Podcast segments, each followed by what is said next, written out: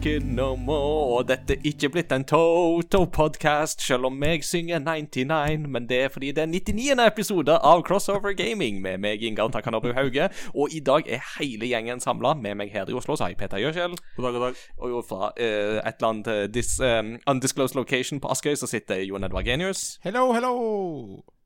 Og ifra Kristiansand, nedsnødd i Le Garage, så sitter godeste Mats Jakob Nesmann. Hola! Og dette er jo faktisk første gang alle vi fire spiller inn episode i lag etter at eh, Jon Edvard ble med, så det er jo ekstra kjekt å ha med hele bøtteballetten på årets siste episode, som jo da, tradisjonen tro, er høymesse. Som jo er det vi velger å kalle episoder som er liksom litt utenom normalen. Og det kommer jo stort sett to ganger i året. Det kommer når vi har E3, og det kommer når vi skal kåre Game of the Year. Og da er det jo tida for å kåre årets spill 2022 før vi avslutter året og bringer det hele til 2023. Så det blir jo veldig spennende. Men før vi kommer så langt, eh, Peter, hva skjer eh, i din tilværelse? Du har vel fått ferie nå, har du ikke det? Du, nå har jeg faktisk fått ferie. Nå har det vært et uh, ganske heftig kjør i uh, et par måneder. Uh, med mye turer, mye opplevelser og sånn der. Og så er det alltid spesielt med siste halvannen vekka, da. Med julevekka og sånn der på arbeid. Mye sene kvelder og sånt. Det er jo ja, veldig kjekt, men ja, nå er jeg utrolig klar for ferie. Jeg har bøtta ned på en, hel, en og en halv kopp kaffe og en hel mønster nå for å holde, for å holde meg gående. Så det, men det er bra. Jeg har jo vært på Dreamhack eh, siden sist, og det har vært travelt. Men eh, ja, utrolig kjekt. Mm. Veldig bra, veldig bra. Og Jon Edvard, eh, hva pusler du med i din ende? Jo, jeg, eh, jeg snakker ikke så mye om det her, men til dagen så jobber jeg som arrangementstekniker og litt forskjellig, så der har det vært høysesong med julebord og diverse arrangementer, så det har vært løping fra morgen til kveld. Eh, og så har jeg vært, jeg har vært og dubbet litt, har vært og spilt litt trommer, har vært spilt juleforestilling og diverse, så nå på en måte nærmer vi oss på en måte nedoverbakken, det begynner å roe seg, begynner å nærme seg jul, men, så det har vært travelt, men det er mye kjekt, så jeg gidder ikke å klage. Mm, det er jo veldig bra. Og det er jo godt at uh, selv om eh, me- desember er jo en travel sesong for de fleste av oss, så er det jo veldig godt at um, dere tar dere tid til å være med på dette her. Uh, det setter jeg iallfall veldig pris på. Det syns jeg er veldig kjekt. Og Mats Jakob, i musikkbransjen i Kristiansand, så, eller scene, på scenebransjen i Kristiansand, så er det jo òg travelt, så vidt jeg skjønner. Å, herlig land. Ja, det er nok å henge fingrene i. Det er jo julekonserter hver dag. Vi har, denne uka har det vært eh, 10 000 mennesker i Kilden. Så det Oi! mm, Ja. Mm. det, det er ganske mye mennesker. Men eh, det er jo Ikke sant, det er jo de her julekonsertene selger jo som eh, hakka møkk. Ikke det at jeg skjønner at det skal selge så bra, men eh, selger som kakemenn i desember. det er det. Mm. Det selger dritbra, så det, det er jo kjempegøy. Det er gøy med fulle saler, og det er gøy med Gøy med folk som Mm. kommer og spiller. Det er kjempehyggelig å treffe hyggelige folk som man har sett på TV og lest om. Så det er Mm. alltid gøy. Sure. Mm. Det er jo ikke så ille. Så jeg, da tenker jeg at det spørsmålet jeg har, um, blir ganske lett å svare på. Men altså, vil du foretrekke å liksom høre julemusikk eh, dag ut og dag inn i hele november og desember, eller eh, foretrekker du å liksom lede 30 uregjerlige unger i en skoleklasse, sånn som du gjorde eh, tidligere? Altså Eh, det, det, det første. Det første. det første, ja. Ja. Men det er jo godt å høre. Det er jo kjekt å høre at du trives i ny jobb. Og, Ja, det er det- helt det- konge, altså. Det er så gøy. Mm. Mm. Yeah. nice. Nei, eh, jeg jobber jo fortsatt med studenter, og da betyr jo desember bare én ting, og det er eksamen, baby. Det er Mm. liksom det det går i. Så da um, går det um, de dagene det ikke er altfor kaldt, for det er jo meget kaldt i Oslo for tida, så går det jo da med eksamensuniformen min, som jo er eh, bilde av Pikachu kledd ut som Gandalf, som står med sverd og stav og skriker 'You shall not pass'. en veldig hyggelig melding å møte studentene med når de skal ha eksamen, syns dere ikke det? Absolutt. Nydelig. Var, jeg snakket med en kollega av meg i dag som er litt versert i nerdeting, han òg. Fredrik! Uh, og snakket litt om dette med at det, det, krever liksom en litt sånn egen mentalitet, det der å liksom skulle jobbe med eksamensrelatert arbeid og være den som forårsaker angst og stress og traumatiserende opplevelser for studenter. Eller som jeg sa til han The dark side of the force is a pathway to many abilities, some mm -hmm. consider to be unnatural. Så ja. Det er For de som måtte lure på hva fraksjon jeg spiller i Star Wars-spill, så er det Dark Side All the Way. Men eh, ingen Star Wars-spill i år. Det kommer jo til neste år. Eh, men det er andre spill som vi skal mm. snakke om, og det er mye på programmet. Så jeg tenker at vi skal gå i gang med å høre fra lytterne våre. Lytterpost.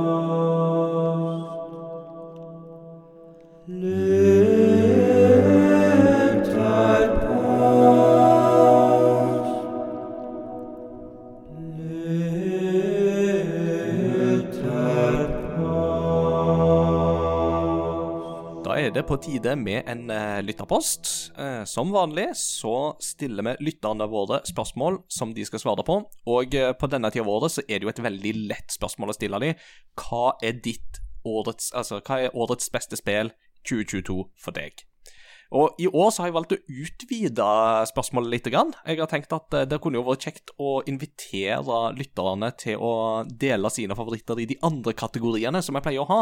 Så da har de fått lov til å dele sånne ting som største skuffelse, beste spill de spilte i år som ikke kom ut i år, eh, osv. Og det er lange svar.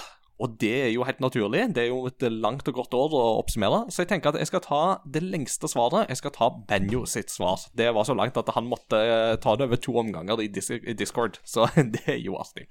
Og eh, for de som vil svare på disse lytterpostene, så er det jo da Facebook og Discord som er hovedkanalene for det. Crossovergaming.no, der finner du lenker til våre sosiale medier. Benjo han oppsummerer 2022 sånn.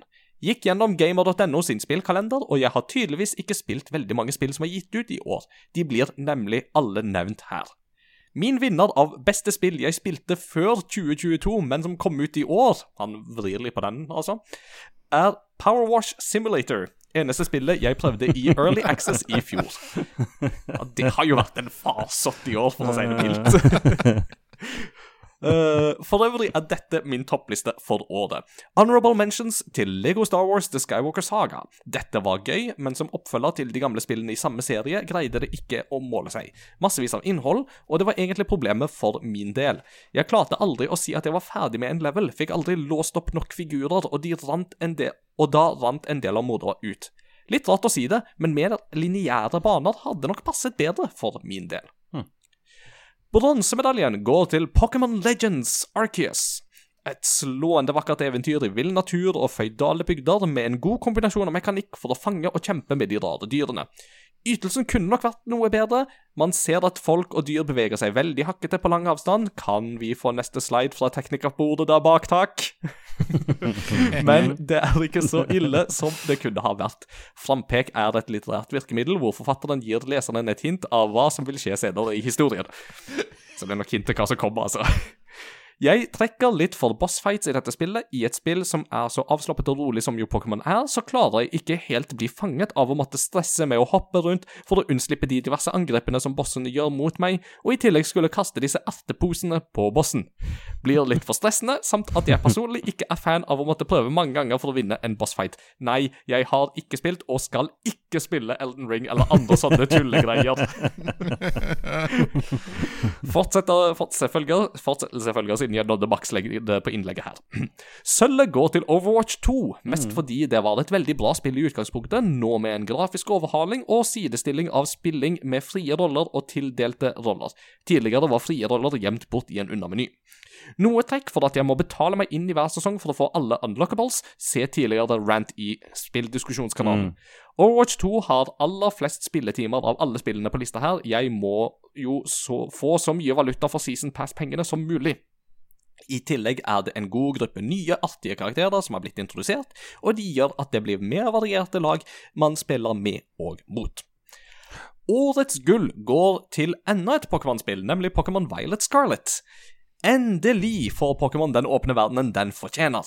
I tillegg har jeg aldri tidligere opplevd at jeg synes alle de nye monstrene er artige og interessante. Tidligere har det alltid vært noen torner i siden, men denne gangen har jeg ingenting å utsette på de nye skapningene vi blir introdusert for. Gamefreak har dessverre et annet stort problem, og det er at spillet hakker og lugger så mye som det gjør. Man kan nok diskutere om det er spillet som ikke er optimalisert godt nok av utviklerteamet her, eller om det er Switchens aldrende hardware som ikke har krefter nok til moderne spill i 2022. Kanskje er det begge deler? Uansett er dette en veldig gøy spillopplevelse, som jeg vil anbefale for alle som ikke kan ta med seg gaming-PC-en dit de skal i jula, og egentlig alle andre også. Ja, det var jo en eh, lang og god eh, oppsummering fra Benjamin, men eh, her var det jo mye spennende å ta. Ja, altså, jeg vil bare si Benjamin, eller Benjo aller først Hjelpe meg hvor godt skrevet. Altså, det, det er liksom det der på en måte det at Ja da, meninger kan være enig eller uenig med, men det er jo godt skrevet. Dette var veldig bra. Få en A pluss. Ja, pluss, ja. Det er, det er et godt community vi har, vet du. Det er ikke bare det at de slenger ut ting, men de argumenterer òg, vet du. De bygger opp med um, tese og antitese og Og da, er det Ja, enda mer, liksom og da er det enda mer irriterende når man er uenig med dem, men det kommer vi tilbake til senere. Nettopp, nettopp. Det er harde bud å skulle være så Spørre seg imot eh, Ja. Men eh, gode venner er vi likevel. Jon Edvard, har du eh, tilfeldigvis en lytter eh, som eh, har et svar som fortjener å leses opp, eller Yes. skal Peter ta først? Jeg kan ta, jeg. Jeg har, eh, jeg har valgt eh, Godspark. Som Ja. da skriver Synes helt klart at Tunic er, be er det beste av samtlige 2022-utgivelser jeg har testet i år. Men Mountain Blade 2 Bannerlord på en god andreplass. Early Access i 2020, utgitt i år.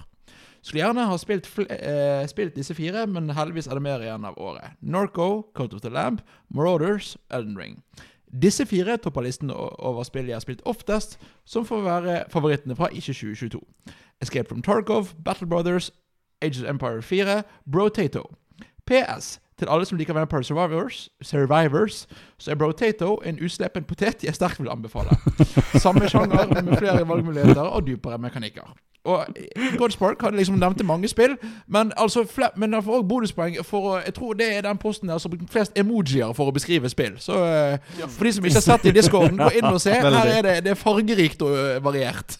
Mm. Eh, Det er sånn det skal være. Eh, og, og Godspark tar jo òg med den viktige kategorien spill jeg ikke rakk å spille i år, som eh, kom, Eller spill som kom ut i år, men som jeg ikke rakk å spille, som jeg gjerne skulle ha spilt. Eh, Så det er jo interessant uh, En kjent kategori. som man tar med der. Mm. Mm. Petter, vil Yes. du ta neste? Det kan jeg gjøre. Da tenkte jeg å losse Andreas sin. Han skriver Tenker jeg får begrense meg til årets beste spill og beste spill spilt fra tidligere år. Først årets beste spill. Føler prisen bør gis til spill jeg faktisk har spilt. Derfor går prisen til Pokémon Legends Arcus, som jeg personlig likte svært godt. Spillet gjorde mye nytt og spennende. Jeg synes også spillet jevnt over hadde en fantastisk stemning. Beste spill spilt fra tidligere år. Her går prisen til Witcher 3 Wild Hunt, som jeg både startet i år og har rukket å spille til 100% completion, inkludert alle tilleggspakker. Det er ganske imponerende. Ja, det er veldig bra. Eh, kan du da, eh, Hvor lang tid tok det? Uh, der er jeg nysgjerrig. At jeg har spilt spillet såpass mye, vil jeg antagelig mye vil jeg antagelig alene forklare hvorfor spillet fortjener å nevnes i denne sammenheng. Spillet er for øvrig svært bra, og det er kanskje litt synd at jeg ikke har, har tatt, meg tiden til, tatt meg tiden til å spille det tidligere. Det er jo eh, veldig synd for Andreas at det er først nå denne her next gen-patchen til The Witcher 3 er kommet ut. Så, men eh, det det er jo en god til. unnskyldning. En gang til. En gang til. New Game Plus. New Game Plus. Game Plus. ja, det er jo det vi har sånt for deg, er det ikke det? Ja. Eh, ja Mats Jakob. Um, har Yes. du en lytter som du har lyst til å trekke, trekke fram? Ja, jeg trekker fram eh, Christian Kumlesopp, og han skriver følgende Beste spill Kirby and the Forgotten Land. Herlig, pla- plattformspill som traff meg midt i nostalgi-hjerteroten. Har ikke spilt noe særlig Kirby siden Gameboy. Ikke så vanskelig, men jeg fant det fantastisk engasjerende tvers igjennom, og sistebossen er episk. Dessuten er musikken aldeles superduper. Hele spillet var innertier både for gamlefar og for ungene. Det kan jeg sette en stor pluss én på. Mm. Bare for å be, stikke inn noe. Eh, kona mi går og nynner på melodiene. Bare fordi at ungene har sittet i sofaen og spilt på Switchen. Sånn at det, det, det sier noe om hvor gode melodiene er når de setter seg hos, passivt hos andre. Eh, beste spill fra før 2022 blir en konkurranse mellom Near Automata og The Forgotten City. Her vinner The Forgotten City fordi det, til forskjell fra Near Automata, ikke fikk meg til å tvile på min egen eksistens, eksistens og meningen med livet. det, det er for øvrig noe jeg kjenner veldig godt igjen fra Near Automata. Jeg tror jeg aldri har hatt, hatt et spill som har gitt meg så eksistensiell krise, eller eksistensiell angst. ja, det, jeg vet ikke om det Ja, det, jeg syns òg det skal tale negativt for et spill. Eh, Nei, nei, nei, det er positivt. Det er veldig positivt. Vi trenger angst.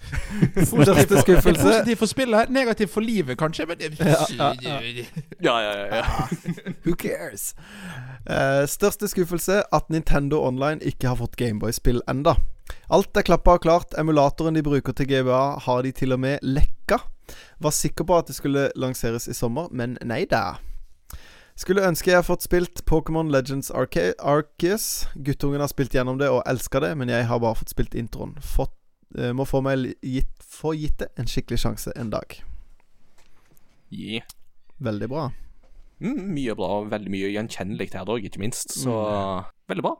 Mm. Uh, det, det var så lange, disse innleggene som uh, folk har skrevet. De har jo vært så flinke og nøyaktige og uh, sånt. Men problem Eller, det er jo ikke et problem. Det er jo en, luks, en luksusartikkel uh, Mm. at det blir så langt, da. Så, men uh, jeg vil absolutt anbefale folk at uh, de sjekker ut discorden vår, og så kan de sjekke ut resten av svarene sjøl. for her er det veldig mye bra å ta av. Så Takk til alle som bidro, og veldig gode svar som vi har fått der ifra gjengen. Da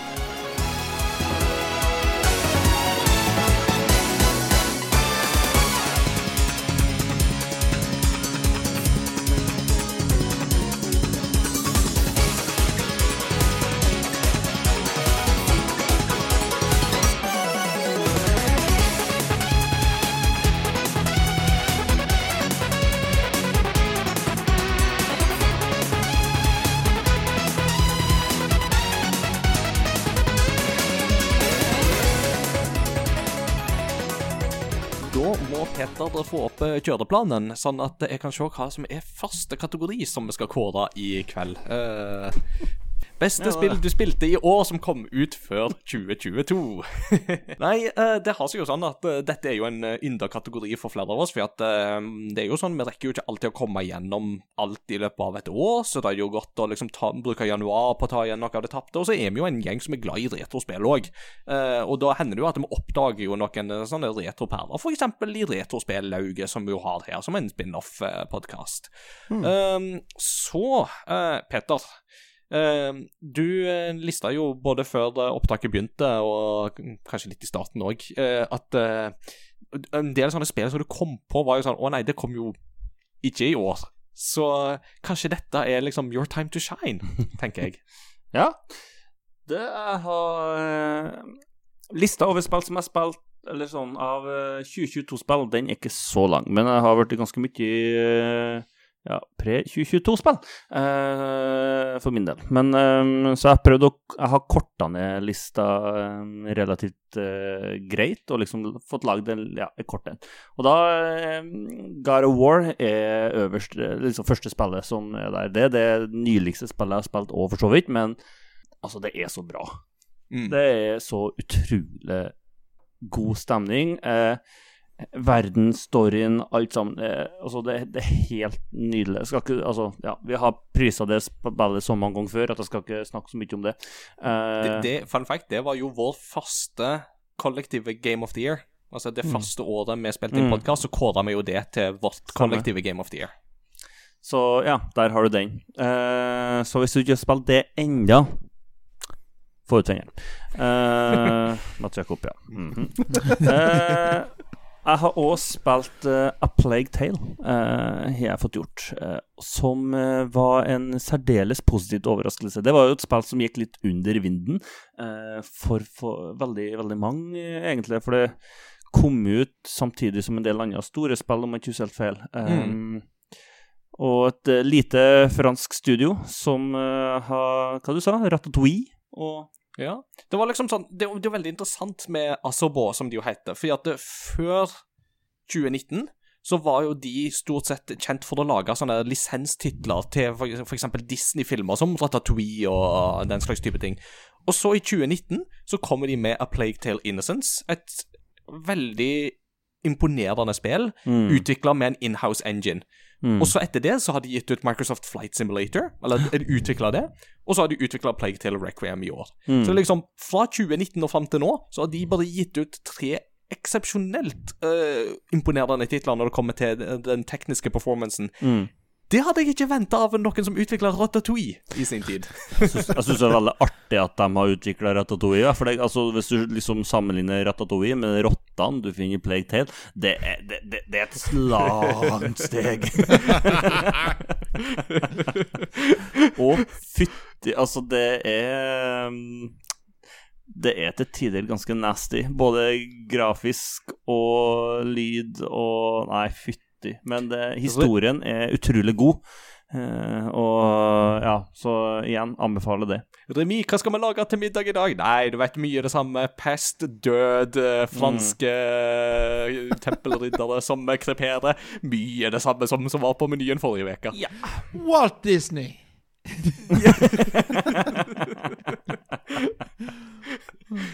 Oh, yes. Og så har jeg spilt eh, Hades. Ja! Det, jeg- det spilte jeg jo i, eh, i, eh, i vår. med Vi hadde som uh, ukas spill på arbeid, som var et uh, eksepsjonelt artig spill. Og en ting var at jeg syntes det var utrolig artig. Det som jeg syntes nesten var minst like artig, var at det var så ekstremt varierende hva uh, elevene syntes om det. Det hat-elsk-forholdet var uh, eksepsjonelt stort i klasserommet vårt. Med andre ord så gleder du deg til Hades 2? Hades 2! Yep. Gjør det. Ja, det Åh, det blir bra. Uh, Ori and the Blind Forest har jeg også spilt i år. Som også er et helt fantastisk nydelig spill. Uh, både altså Grafikken, fargene, historien og musikken. Musikken. Altså, det, det, det, det er et uh, sammensurium av alt som er deilig her i verden, uh, i ett og samme spillet. Så det er mm, fantastisk. Og så bare putta på to Marvel-spill som underholdt meg meget. Eh, eller Marvel-universet. En er vel Sony, men ja. Eh, og da Guardians of the Galaxy og Spiderman Miles Morales Yeah! som jeg tok med. Eh, så kunne jeg putta på flysimulator, for det kom jeg òg på at det er jo ikke 2022. som var et utrolig artig spill. Ja, så da har du jo faktisk eh, kjørt veldig hardt på det der altså båttoget med både Plague Tale og eh, Flight Sim, så det er jo kjempe ja da, kjempemessig. og jeg, jeg, jeg driver og neste år. Requiem. Ratatouille neste år. Neste år. Å, er det en nydelig mod? Putte med, bytt alle rottene med ratatouille. Remi. OK, vår inhouse eh, Disney-korrespondent vrir seg i smerte bare av tanken. Ap apropos mod, jeg så akkurat en mod med God of War, hvor de har bytta ut uh, karakterer med Simpson-karakterer. Uh, det var Det var ganske festlig. Altså, du vet, min, min mest traumatiserende mod-opplevelse var de som da moddet lokomotivet Thomas inn i Skyrim. Å ja. Mm. Å, fytti. Fordi jeg er Ja, det er så Men ja. Mm. Mye interessant ute på internettet. Ja, Det er det. absolutt. Og det er jo kjempegøy å se hva folk har modda inn i Resident Evil-spillene, for der har de jo modda inn Thomas-toget òg istedenfor Nemesis. Eh, eller, eller min favoritt, der du hadde Resident Evil 2, og når Mr. X dukker opp første gang, så er det ikke Mr. X, men det går seg fra Untitled Goose Game som kommer. Yes, det Fuck! Eh, da var det litt skumlere med Penny, Penny, Pennywise fra It. Mm. Så ja. Absolutt. Uh, skal vi se, hvem vil være neste mann ut? Mats Jakob, hva tenker du? Vil du ha litt mer betenkningstid, Hva- hva eller? er eh? Nei da, jeg kan, eh, jeg kan ta de, de tingene jeg kommer på. Det er ikke så det, det, En ting jeg eh, eh, Jeg beundrer med deg, Ingar, er at du er så flink til å holde styr på ting du har spilt. For det har ikke jeg. Som mange andre ting i livet, så er jeg ikke så flink til å holde styr på ting. Eh, men Kan, kan jeg gi to tips før du da begynner på lista? Ja. Eh, eller ikke to tips, men altså mm, eh, Det ene er jo en unnskyldning. Altså Jeg anmelder jo veldig mye ting, så det er veldig lett for Ja. meg å gå tilbake og se hva tekster jeg har skrevet. Men eh, vår gode, kjære lytter Godspark eh, tipsa meg jo om det at han fører jo en logg faktisk over hva han spiller hver dag. Det er egentlig bare et, et Excel-ark der han liksom for hver dag noterer hva han har spilt, og så noen tanker rundt det. Så det har jeg òg begynt med. Veldig nyttig. Kult. Eh, Det, det kan jeg bare si med en gang. Det kan jeg jo eh, det, det, Nytt siden sist, det har jeg jo ikke sagt. Jeg har jo da rett og slett fått diagnosen ADHD siden vi snakka sammen sist. Som Ja. forklarer veldig mye i mitt liv. eh, deriblant Hey, mangel, på struktur. Hva sier man til det? Sier man gratulerer? Nei, jeg vet ikke hva man skal si. Men eh, eh, skjemaer er visst en av de vanskeligste tingene for oss. Uh, så Mm. Excel-ark eh, er, er langt ifra ideelt. Eh, For som, som, som ektemann til en med ADHD, så, så er det er ikke en, uten grunn at jeg har fått liksom, betegnelsen 'kalenderen' i familien. Så, Nei, ikke sant. Mm. Men eh, du må få deg sånn genser med ADHD back on track. Eh, med liksom ACDC-logoen eh, på eh, parodi. Ja. All right, det var sidesporene. Det var sidesporene. Og det, det kan jo være et interessant tema i seg sjøl til en annen podkast, men uh, ja. Beste spill Ja. du spilte i år, fra Altså, før i år. Yes. Det, det beste det, Altså kvalitetsmessig, det beste spillet Jeg må være Pokémon Crystal. Jeg spilte jo, Jeg spilte jo sølv i min barndom, men fant ut at uh, jeg hadde lyst til å spille Crystal. Um, eller hadde egentlig lyst til å spille Soul Silver, men det koster jo mer enn uh, Måtte jo ofre et barn for å få tak i Soul Silver, sånn som Du, du har jo nettopp fått tak i det, Ingar. Ja, ja, ja. Men, det, eh, det går fint. Jeg har ikke barn, så jeg kan ofre de eh, ganske lett. Du har i hvert fall ikke barn lenger. Nei. En Children that I used to have, you sure ask a lot of questions. Tommy. I've never heard of Tommy before. Uh, nei, men uh, så i den eh, prosessen der, da, så fant jeg ut at jeg ville spille det. Og så gikk jeg på min eh, 3DS.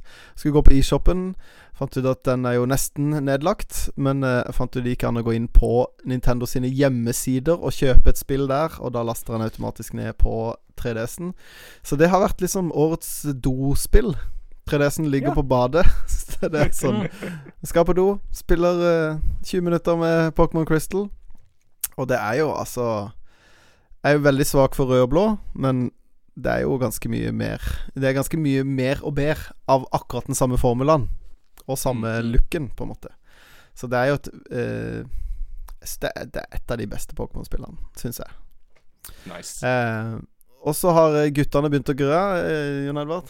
Ja, jeg vil bare si Kan jeg da ønske meg at Fordi at igjen, Disney-nerden i meg eh, I USA så finnes det en fyr som anmelder forskjellige toaletter i Disneyland og Disney World.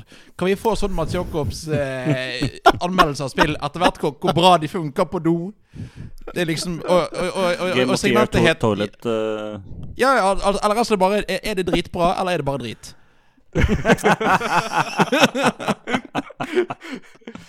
Så det holder ikke at vi har Gugoti, nå må vi òg ha Tugoti. Tugoti. Toilet Game of the Year. Ja, den går til Pokémon Dette høres ut som en jobb for George Costanza i Seinfeld. Ja, han skulle sikkert prøvd å snike inn en sandwich òg, han. Ja, det er But I digress. Yes. Eh, guttene har gravd i skuffene og hadde veldig lyst til å spille SSX på S Xbox 360, så det har vi spilt en del. Ikke Tricky. SSX-rebooten av okay. SSX-serien. Eh, og jeg har ikke noe sånn kjempeforhold til verken Tricky eller SSX 1, 2 eller 3 på den forrige generasjonen. Men eh, jeg syns det, det er kjempegøy. Det er, Og det er veldig deil, sånn deilig spill å bare spille en bane, og så spiller vi noe Mm. Det er ikke noe sånn må spille masse, eller her er det Du må komme inn i det igjen. Det er bare å plukke opp og så skli på noen eh, absurde røde rør ned et fjell. Det Så det har vi kost oss ganske mye med. Og så har vi også spilt mye Sonic Generations. Ja! Snakk om eh, er- spill med røde ting som du bare sklir på. Ja, absolutt. Det er en eh, rød tråd.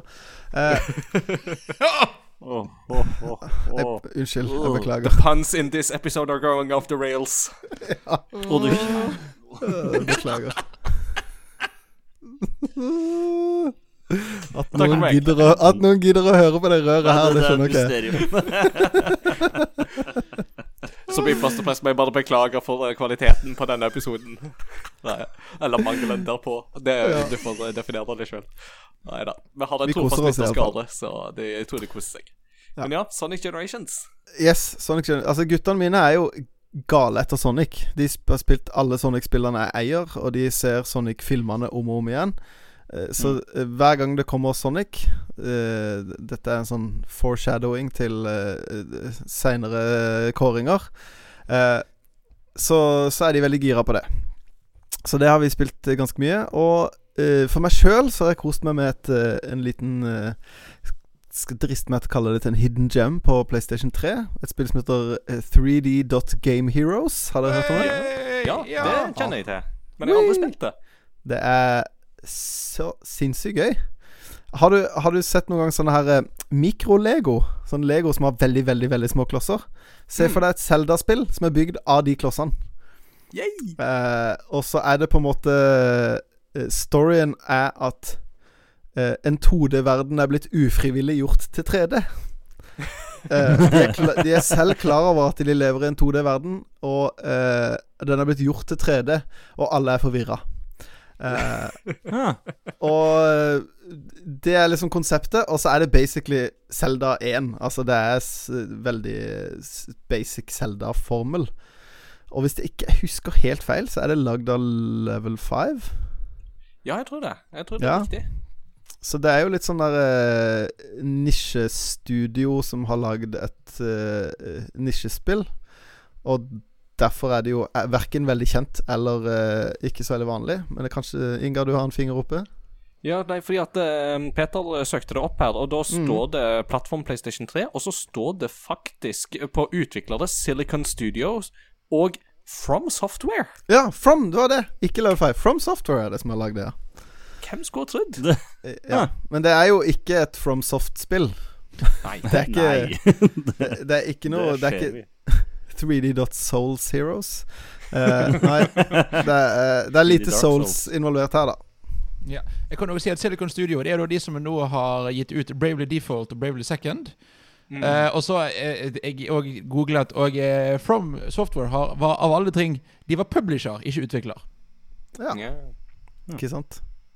Drev, har de drevet med bare det? Ja. Nei, så det De eh, Hva skal jeg si De minneverdige spillene jeg spilte i 2022, som jeg kom på uh, her og nå.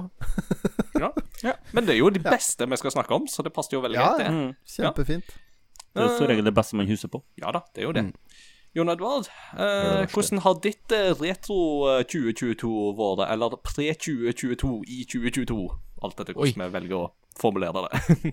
Nei, det har vært et eh, godt år. Eh, som vi snakket om, det er liksom Det er mange spill som jeg har spilt i år, og så kom jeg på Nei, vent, dette er jo ikke et spill fra 2022. Uh, men det har vært spill fra nyere tid. Uh, et av de nyere spillene jeg har spilt, det er Crash Bandicoot 4.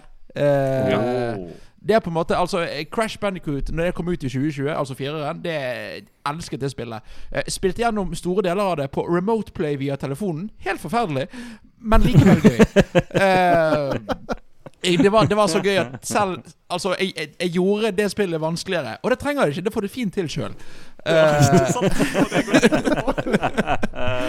Eh, men det har òg vært sånn spill Å, jeg skal slappe av. Uh, la oss spille så- så- Sånn som du snakket om SSX, uh, Machakov. At du spiller, Mm. spiller et level, og så ferdig, og så kommer du videre. Så jeg har da spilt Jeg spilte jo PlayStation-versjonen når det kom i 2020, og så har jeg spilt Switch-versjonen litt eh, her og der, òg i 2022. Så det er fortsatt veldig bra. Uh, og på Switch igjen. eh, Naruto Ultimate Ninja Storm Trilogy.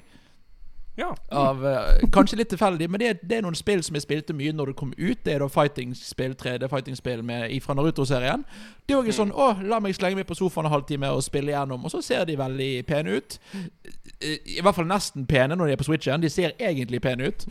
uh, og så har jeg spilt, som vi snakket om i min introduksjonsepisode, Kingdom Hearts 3 har jeg da spilt på nytt igjen. Eh, Wow, ja, wow! og, eh, så, og nå eh, skal da Peter få lov å forklare. Hva handler Kingdom Hearts egentlig om? Det, det er for mye til å beskrives. Det er altså historien vår med nøkler og sverd og Ja. ja.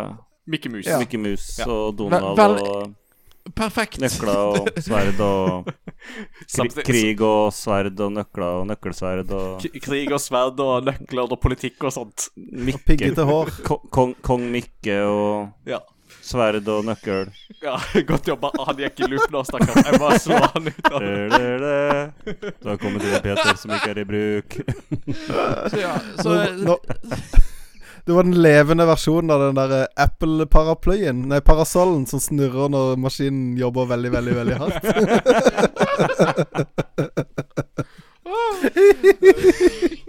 Ok, ok. uh, og så har jeg jo uh, Det har vært mye Pokémon. Det kom ut to Pokémon-spill i år.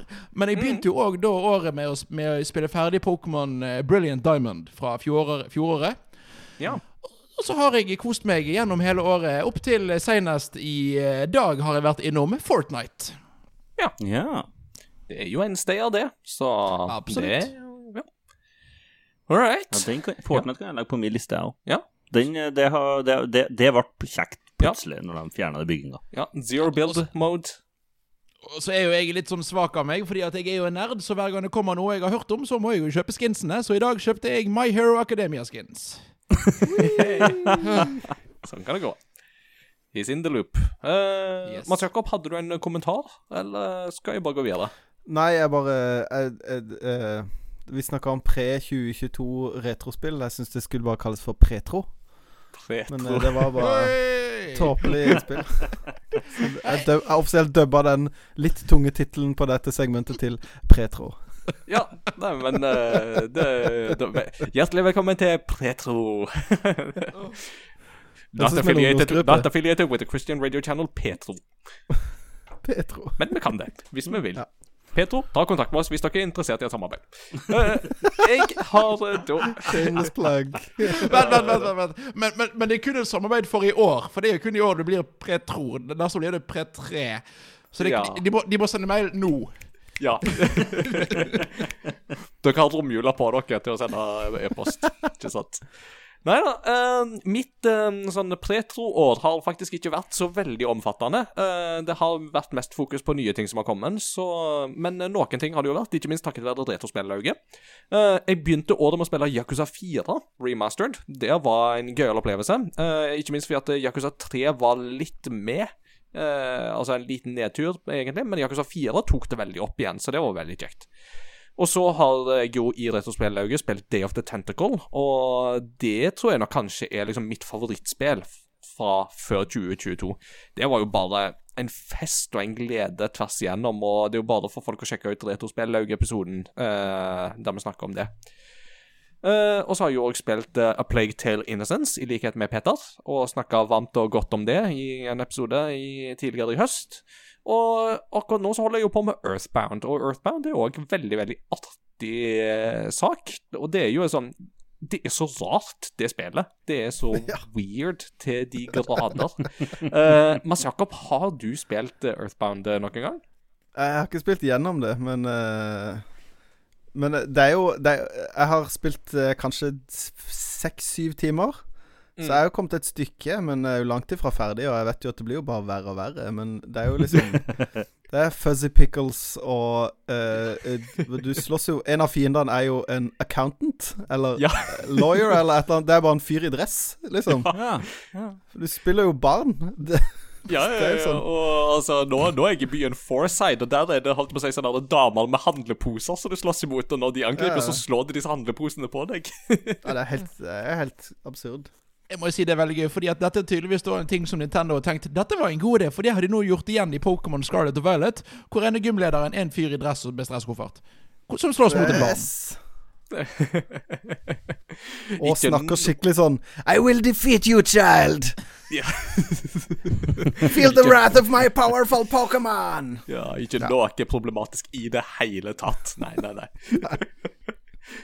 Så det var vårt pretro-år, rett og slett. Eh, mye go gode spill som kom ut før 2022 òg, altså.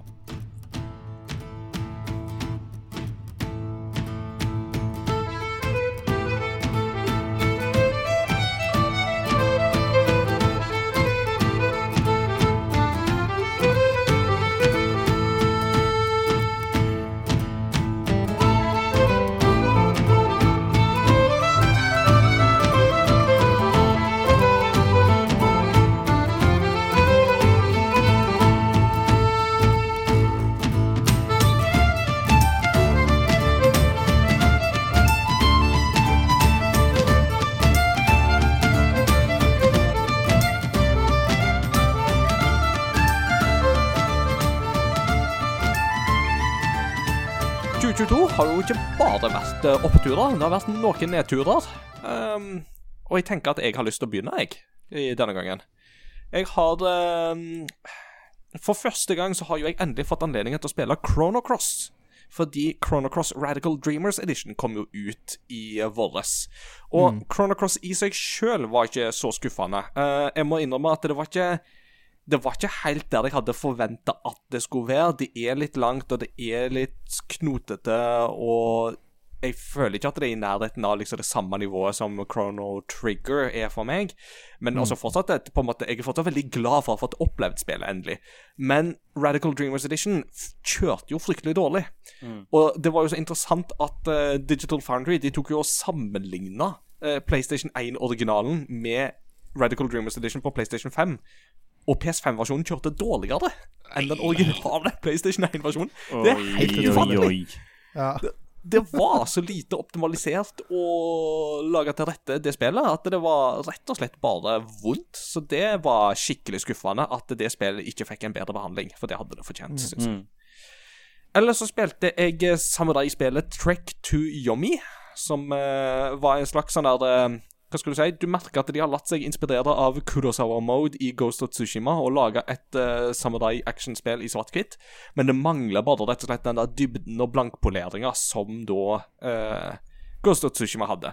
Litt urettferdig sammenligning, naturligvis, med tanke på at dette er et indie-spill kontra et kjempestort PlayStation-spill, liksom, men uh, det, det var liksom mer enn bare det, da, som eh, Det var bare helheten følte jeg ikke satt så bra som det skulle, da. Men eh, den største skuffelsen, uh, og det skal jo være sagt altså Skuffelse betyr ikke nødvendigvis at disse spillene alltid er dårlige, men et spill som skuffer, og som faktisk etter min bok var dårlig, det er Chocobo GP.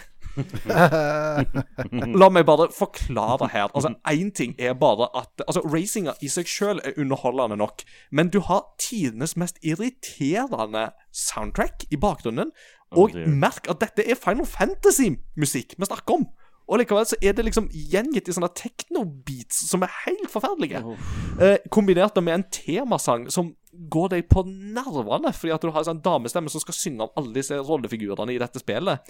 Hvorav du har jo da en jente på som heter Camilla, og Camillas far heter bare Camillas pa. Det er hans navn. Han hette da Camillas pa før Camilla ble født. Og dette jo sånn, gir jo et så stort poeng ut av i historien. Og altså, historien i det spillet er jo forferdelig. Altså, det er jo er. Men det verste her er likevel at dette spillet pusher så på med mikrotransaksjoner og sånt at det er bare eh, Nei, styr unna Chocobo GP. Det var rett og slett en skuffende opplevelse. Men, men sier du nå at dette spillet liksom skal være om Final Fantasy og sånn, lag, lagde sine egne karakterer for Hæ? Hva er det? Ja. Prøver de å være Kingdom Hearts? Ja, du skulle ha trodd. Du skulle ha trodd. Men det er jo ikke bare det, da, for de har jo òg andre Final Fantasy-figurer. eh, Så du kan liksom få Cloud og Vivi og uh, Gilgamesh og litt sånne ting. Men altså sånn som for eksempel Cloud er jo låst bak liksom en hel haug med mikrotransaksjoner.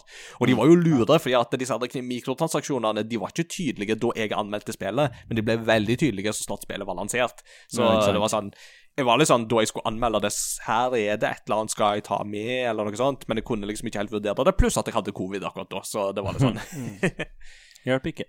Nei, hjalp ikke. Så det var 2022s eh, største skuffelser for uh, min del. Mats Jakob? Yes. Jeg har uh, tre ulike kategorier av skuffelser i år. Oi. Jeg kan, begynne, jeg kan begynne med den første, og det er Pokémon Scarlet og Violet, som er et spill jeg ikke har spilt. Ehm, men jeg jeg, jeg, ble, jeg var veldig, veldig, veldig veldig hypa på Pokémon. Mhm. Eh, og eh, gleda meg veldig, veldig, veldig. Og så tenkte jeg jeg, jeg, jeg, jeg løper ikke til butikken og kjøper det. For det, det blir jo ikke noe Det kommer aldri til å bli billigere, men eh, jeg gidder ikke bruke penger på det nå. Og så kom anmeldelsene om performance issues. Og da Det stoppa meg helt, for jeg tenkte Jeg orker ikke lide meg gjennom performance issues, og håpte det var litt sånn day one glitchiness, og ikke en generell performance issue. Men det virker jo som at det er generelt tungt.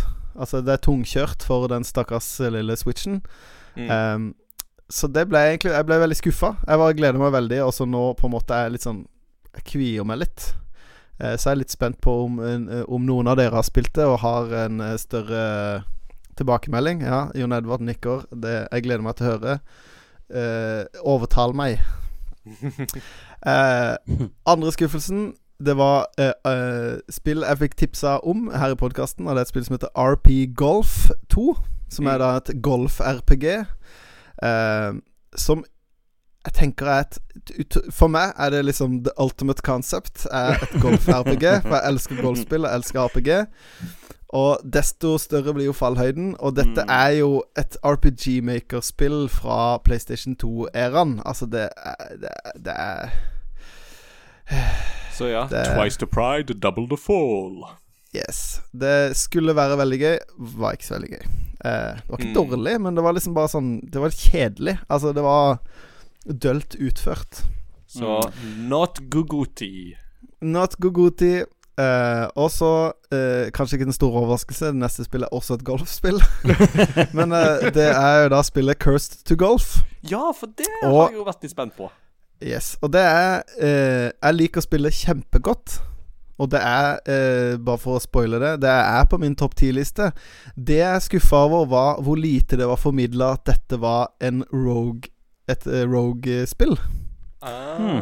Det er jo uh, Hades i golfformat. Ja. Ja, oi. Du skal Du er forvist til uh, du, du dør og kommer i golf purgatory og må spille deg gjennom tilfeldig genererte golfbaner. Uh, hvis du dør, så er det tilbake til start. Og det er veldig sånn Nobody has escaped golf purgatory-greie. Eh, og jeg, jeg, jeg, blir så sint når jeg først dør, at jeg, klarer bare én playthrough. Jeg kan spille, og så dør jeg selv bare sånn gjør det igjen! Og så Og så er jo banene forandrer seg òg, så du kan ikke lære deg banene. For dette, de er på en måte Jeg vet ikke om det er jeg vet ikke om de er helt randomly generated, eller om de bare har lagd veldig, veldig veldig mange baner. Mm. Men det er Det er vanskelig. Så dette her er, så dette elsk-hat-forholdet som Peter sine elever hadde til Hades, det kan du kjenne deg godt igjen i. Absolutt. Altså, jeg stemmer for at, den, at du streamer Hades uh, en gang. Bare sånn uh, Bare for å se hva som skjer. Hva da, Eh, skal du ha Norges korteste stream? Er det Ja, på en måte, altså, og, og, Jeg har, jeg har ADHD. Jeg har tålmodigheten til en Kjø- kjø- altså, apekatt på sånn speed. Slags, slags betting da på hvor lenge tror vi Mats Jakob holder ut. Uh, for, for, for hvert tiende minutt så går det så og så mye til en eller annen god sak. Ja, ja, men det er fint, det. Ja. Jeg kan være med på det. Og jeg tenker på at vi, vi streamer at du spiller. Vi streamer ikke spillet, vi bare ser på deg. Ja, ja, ja. ja. Nei, nei. Null Det er interesse litt for sånn det. Har, har dere sett de Det er noen gamle videoer av en- av Det er en gammel mann som skal lære seg å spille gitar. Har du sett det? Som blir så utrolig yes! sint når han ikke får det til. Sånn er det å se på meg spille sånne spill. Så Fantastisk underholdende. For jeg visste jo at Curse Golf var en kombinasjon av dette her, så jeg visste jo det, men uh, Jeg visste jo ikke det. Oh, this is how we get famous. Ja, Mm. Kan si det sånn. Så det er mine skuffelser fra i år. Ja. Det var jo en, eh, en lattermild liste, da. Og jeg, altså, jeg ville heller hatt dine opplevelser enn Cho- Chocobo GP, for å si det sånn. Så. uh, Peter, du har eh, skrevet et kontroversielt eh, spill her ja. nå på, på, på, på direkten, Altså, faktisk. jeg må forklare meg før jeg faktisk eh, ser hvordan spillet er. For det, det er ikke at eh, det, det, går, det går egentlig mest på meg sjøl enn, enn på sjølve spillet. Uh, og over at jeg klarer Jeg sliter så gærent med å like det. Uh, og jeg skal, fort, jeg skal ta det opp igjen eh, og prøve å komme videre, men det er liksom Ja. Jeg sliter med å være tålmodig nok til å spille Elden Ring. Eh, så, så, men, så det, det er jo det, Altså, verden syns jeg er jo helt Altså, den er utrolig spennende. Den er jo helt fantastisk. Men det, det, det ble for mye som irriterer meg eh, i løpet av eh, det spillet. Og det, det, det toppa seg liksom når jeg ble eh, teleportert langt ut i Gokk, eh, til et område som jeg ikke var i nærheten til å være dyktig nok for å overleve. Eh, hvor du ikke kunne teleporteres tilbake, så jeg måtte jo komme meg ut derifra eh, ved å mm. dodge x antall skapninger som ja, one hit ut av den nye verden. Eh, så, så, så, det, så det liksom Det, det er en like stor skuffelse på meg sjøl at jeg liksom ikke klarte å eh, Å like det, og ikke har klart å spille og fortsette med det. Eh, for jeg syns Jeg har jo sett det på en del streams, jeg syns jo det er et skamrått spill. Og det er jo sånn, når du kommer inn dit, så er det jo helt, helt fantastisk. Eh, så drømmen er å fullføre det, men eh, det, går, ikke så bra. Uh, ja, så det, det er på en måte største skuffelse er mer at jeg ikke har fått til å spille det sjøl. Og da kom det på den lista der. Men det er òg på topp ti-lista. Mm. Topp Så, top, top fem er det kanskje. Ja, Peters største skuffelse er Peter. Ja, det er helt, det er helt rett. Mm. Wow, that, that, that grew very deep and so relatable really, really fast. Så da går jeg og legger meg. Takk for meg. Jeg tror det er del to av den streamen er at uh, Petter spiller Elden Ring, og jeg spiller Kirsty Golf eller Hades. Og jeg spiller Chocobo GP. Åh. Jeg bare jeg Og, og Jon Edvard Ed- Jeg blir- jeg blir sånn, ikke «Åh». spille Kingdom Hearts. Ja, det Ja. Ja. oh. This, this storyline is too straightforward for me! Ja, ja. Jeg skjønner for mye! Åh. Ja da. Så det var jo et interessant og kontroversielt eh, valg, men vi blir ikke ferdige med Elden Ring. Det skal vi komme tilbake til. Jon Edvard, hva er liksom din største skuffelse for 2022? Yes, uh, Min største skuffelse er en, et spill som teknisk sett kom ut i 2021, men så ble det utsatt og gitt ut i 2022 uh, på, fysisk til Switch, og det er GTA-trilogien. Ja! ja. Mm. Og det er liksom For jeg, har, jeg spilte jo i hvert fall San Andreas Eller hvis mamma eller pappa ser på Jeg spilte det hos venner, jeg hadde det aldri sjøl. Eh,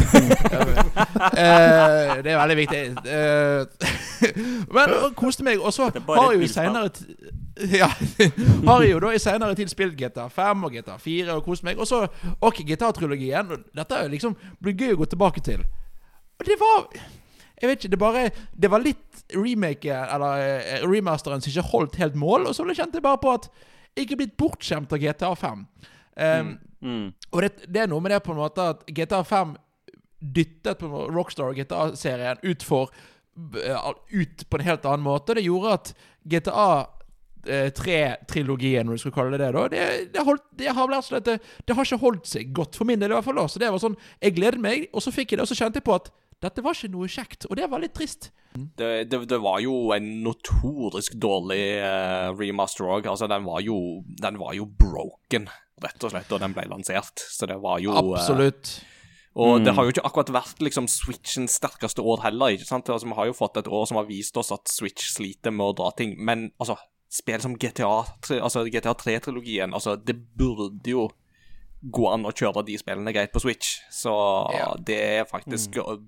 direkte skuffende Uh, Mm. at det Ja. Mm, Ja, og så er det noe med, på en måte med at selv, selv når du kjørte bra, så var det liksom Det var noen kreative valg, eller på en måte noen estetiske valg i uh, remasteren som bare Det bare funket ikke. Og det altså Ja, det var, rett og slett årets skuffelse. Mm. Ja. Så eh, mange interessante valg der òg. Og det er det som er så gøy. Når vi er liksom alle fire, da blir det ekstremt stor bredde i dette. her Så det er Let's keep it rolling until for the next category. With a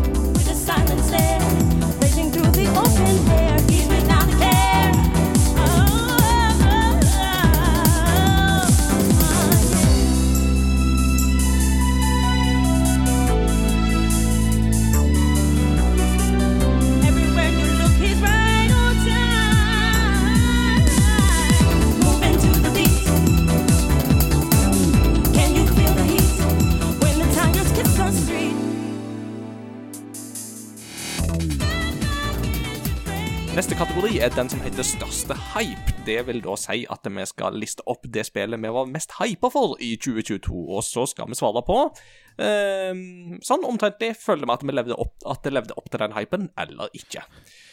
Så Mats Jakob, eh, kanskje vi skal begynne i din ende denne gangen? Ja. Jeg har jo allerede snakka om eh, noen spill som jeg var ganske hypa på. Blant annet Pokémon eh, Scarlet og Violet. Mm. Så jeg trenger ikke gå mer innpå. Uh, jeg var jo veldig, veldig, veldig uh, hypa på eh, Kirby. Ja. Eh, og det levde jo absolutt opp til eh, Til eh, forventningene. Mm. Eh, og eh, jeg var, når jeg hørte om Curse to Golf, så var jeg veldig hypa på det. Eh, ble fort uh, jekka ned et par hakk der. Eh, eh, Tunic er nok det spillet jeg var mest hypa på når jeg hørte om det. Eh, og liksom Oi, dette er noe nytt. Og når jeg leste om det og skjønte hvor eh, Hva det var Mm. Og det har, kommer jeg sikkert til å snakke litt mer om seinere, det spillet. Eh, men eh, det spillet jeg var mest hypa på, som jeg trodde ikke kom, men som faktisk kom i 2022, det var jo eh, eh, 2K Sports sitt Tiger Woods eh, golf. Eh, det skulle jo egentlig ikke komme. Det var ikke annet Ja, det heter vel 2023, ja det, er det. PGA 2K23? Ja. Yes. Ja. Mm. Jeg skrev 22 hele veien. Ja, men det, det Eh, det var jo ingen eh, Det var ingen nyheter. Det virka ikke som det skulle komme ut i det hele tatt. Men det var jo annonsert at Tiger Woods skulle være med. mm. Mm. Eh, og så plutselig så var det Ja, det kommer om en måned. Da The, the hype was real. Jeg forhåndsbestilte det for å kunne spille det to dager før alle andre. Nice. Wow. Og, og nå Så slapp det- du å spille det på Switch òg, tenker jeg, så Ja! For en glede. Det var ingen baner som forsvant denne gangen. Foretrekker det. Ja, det, det, det, var, det var rart. jeg pleier å hjelpe, da. Mm. Ja, det pleier å hjelpe. Eh, men eh, det spillet er eh, på en måte mest hypa på, som, ikk- som jeg håpte kanskje skulle komme ut i år, men som ikke har kommet ut i år, det er Hogwarts Legacy. Ja. Mm. Det, det gleder jeg meg til å spille. Det er den største hypen nå. Og selvfølgelig Selda, som vi har nevnt. År etter år etter år etter år. Eh, Det Eh, kommer det- jo nå til februar, kommer jo det ut. Og så Utsatt på konsollene. Ja, utsatt på noen av konsollene. Switch-versjonen kommer jo ikke før til sommeren, f.eks. Men eh, Mm. de har i det minste fått noen datoer, og det, det er jo veldig spennende å ta med, Ja. syns jeg. Eh, jeg tror ikke jeg har vært nummer to uh, ennå ut, så da kaster jeg meg sjøl ut uh, i dette her. Um, -hmm. Det jeg nok har vært mest hypa på i 2022, det er jo Zelda, Uh, Tears of the Kingdom. Men eh, det har vi jo ikke fått, så det skal jeg fortsette å være hypa på i 2023. Men vi har fått dato! Woo! Men vi har fått dato, og vi har jo fått en tittel, og vi har fått en, en ny trailer og diverse, så det, det nærmer seg jo absolutt noe. 12. mai, altså Da skal ikke studentene ha eksamen, for å si det sånn. Det, da hadde jeg erklært eh, land, Da har jeg erklært landeglede. I, ikke landesorg, men landeglede. Eh, 12. mai, det er en glede for hele folket. Ja. Eh, andre titler som jeg har vært veldig hype på, God of War og Ragnarok, naturligvis. Eh, og det kommer jeg til å snakke litt mer om uh, når vi kommer til en senere kategori. Men eh, jeg vil absolutt si at det har eh, Ja, jeg vil absolutt si at det har svart til noen forventninger det, og hype. En tittel som jeg ble veldig hypa på da den ble annonsert, det var Crisis Core Final Fantasy 7 Reunion, som jeg ikke har snakka om i podkasten fordi jeg har anmeldt det for Game Reactor. Eh, nå er anmeldelsen ute, uh, og jeg ble veldig hypa da de annonserte det, fordi Crisis Core Final Fantasy 7 har alltid vært en litt sånn derre Holdt jeg på å si sånn der joker i Final Fantasy-universet. Fordi det kom jo ut på PlayStation Portable. Det kom kun ut fysisk på PlayStation Portable. Og man har liksom alltid tenkt at det å få en remaster av dette her, det er helt umulig, fordi at de bruker den japanske rockeren Gakt som uh, modell for uh, skurken Genesis i dette spillet. Og da er det jo eh, masse lisenser og den slags type ting i det bildet, ikke sant, som jo fort gjør det vanskelig å få relansert det og den slags type ting. Men så hadde jo en drøm da liksom Final Fantasy 7 Remake kom, at det bare sånn åh, det hadde vært gøy å fått noe Crisis Core i denne drakta her. Det hadde vært veldig gøy. Og så er det omtrentlig det vi faktisk får. Eh, plutselig så ble det annonsert, og det var bare sånn Wow, de gjør det faktisk! Det var kjempespennende. Mm. og jeg kan absolutt si at det var gøy. Jeg, lik, jeg likte det spillet veldig godt. Det er en veldig det er veldig tro til kildematerialet sitt, på godt og vondt. Uh, og det var faktisk en ting som jeg likte med det, for at jeg var jo ikke så glad i alle endringene de gjorde med Final Fantasy 7 Remake med tanke på story og sånne ting. Så Ehm, du, du merker fortsatt at det her er et portable spill i DNA-et, men på en måte så syns jeg det var litt gøy òg, at det, det var nettopp det vi fikk. Jeg bare lurer på, fordi dette er et spill jeg har hørt om mye siden PSP-versjonen kom, men som jeg aldri har spilt. Og jeg, jeg har av enkelte venner hørt mer om dette enn om Final Fantasy 7. Eh, og jeg har ikke fått spilt Final Fantasy 7-remaken, så da, jeg må jo spørre Jeg har ikke spilt Final Fantasy 7 eller remaken i noe særlig stor grad.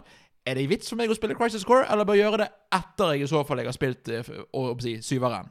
Du bør gjøre det etter å ha spilt syveren. Og, og det er jo der um, For å ta liksom kortversjonen, men altså, syv remake er jo ikke en tro gjenfortelling av Final Fantasy 7. Eh, Det er jo en litt sånn reimagining, som jeg jo liker å kalle det. Og det innebærer jo da at uh, egentlig så bør du jo spille det originale Final Fantasy 7 først, og så spiller du Crisis Core Final Fantasy 7. Uh, eller først Final Fantasy 7, så ser du filmen Advent Children, så spiller du Crisis Core, og så kan du spille Final Fantasy 7 Remake. Er du sikker på ikke dette er Kingdom Hearts? Det samme studioet. Altså, det er jo Nomura har jo, er jo han som står bak uh, remake, og det er jo man, samme mann som har ledet Kingdom Hearts. Uh, you do the math. Ja, altså, og, og Cloud fra Final Fantasy 7 er med i Kingdom Hearts. Hvor kommer det inn i bildet? På veldig naturlige steder. Så, ja. Ja, det. Eh, siste tittelen som jeg vil slenge ut i denne hype-saken, det er Overwatch 2. Uh, og det har jo vært en litt sånn berg-og-dal-bane, for at Blizzard-saken har jo rulla og gått. Uh, fortsetter jo å være en eh, kontroversiell sak. Og da har det jo vært litt sånn og, og liksom i forhold til ting og endringer de skulle gjøre i Overwatch, så har det jo også vært sånn Kommer dette til å bli bra? Kommer det til å skuffe? Hvordan kommer dette til å gå? Men samtidig, når de begynte liksom å vise skikkelige trailere og sånn, så ble jo bare eksepsjonelt hypa og bare kjente hvor verdifullt dette universet er for meg. Og jeg må si at Overwatch 2 Ja, jeg koser meg fortsatt med det, for dette er jo fortsatt Overwatch, og da har det det gøy, altså. Mm. Warts and all. Uh, det er ikke så mange vorter i det, syns jeg, da, men det er noe i liksom finansieringsmodeller og sånn som er sånn Ja, det, det er noe sånn It is what it is, på en måte. Mm. Jon Edvard, har du noe sånne spill du har vært veldig hypa for i år? Jeg hadde et spill som jeg var overraskende hyped over, og det var eh, Pokémon Legends Arceus. Eh, Det var fordi det kom jo eh, Jeg husker når det ble annonsert, så ble jeg, jeg ble bitt av basillen med en gang fordi at uh, jeg elsker Breath of the Wild. elsker Pokémon, og veldig spesifikt jeg, jeg er veldig glad i den fjerde generasjonen, som da dette tok litt utgangspunkt i. Ja. Eh, Så eh, jeg var hyped. Jeg, det er et av de få spillene hvor jeg liksom Altså, et, jeg tror det er kanskje første spillet siden Breath of the Wild hvor jeg så på en trailer flere ganger fordi jeg gledet meg. Mm. Så jeg gleder meg veldig, og det, jeg gleder meg veldig til det spillet. Og det innfridde, definitivt. Eh, hvor mye det innfridde, det får vi se litt på etter hvert. Men eh, det endte opp med å være spill jeg, og som vi så i discorden, flere andre har kost seg med. Så det Pokémon Legends Arceus var hyped eh, og fornøyd. Absolutt. Jeg kan avsløre allerede nå at det nådde ikke topp 10-lista mi, men det var definitivt et spill som var i loopen, og som jeg vurderte. Eh, og jeg må si, jeg òg koste meg veldig med det. Så veldig artig sak, altså.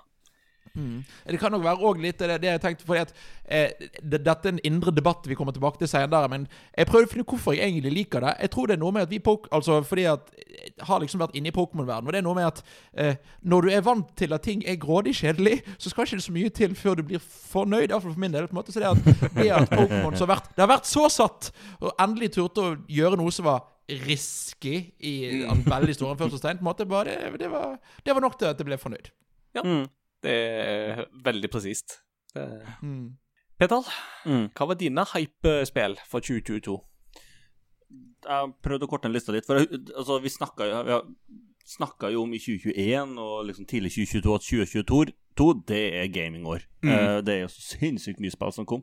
Uh, men det er jo Warzone 2 og Overs 2. Uh, sånn uh, ja, Tralta godt og tenkt veldig mye på, eh, som var veldig hypa på. Uh, Hogwarts Legacy.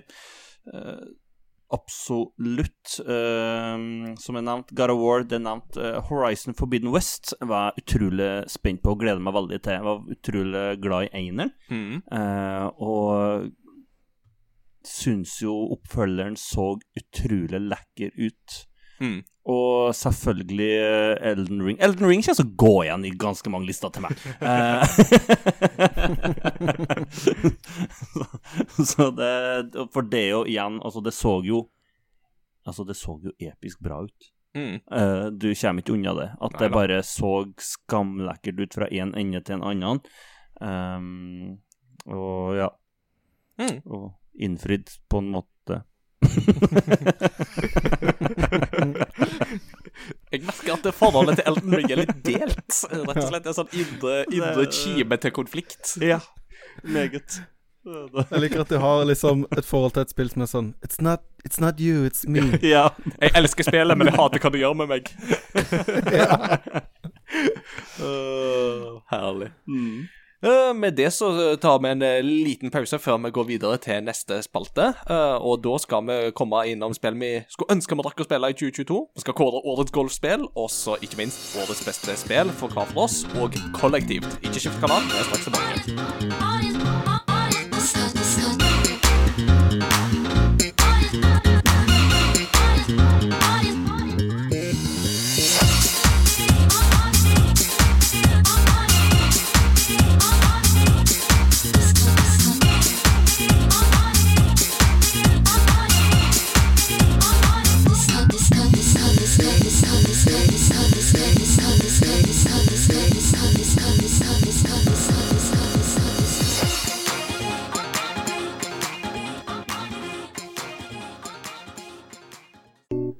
Vi avbryter denne crossover gaming-sendingen med en ekstraordinær eh, et eller annet.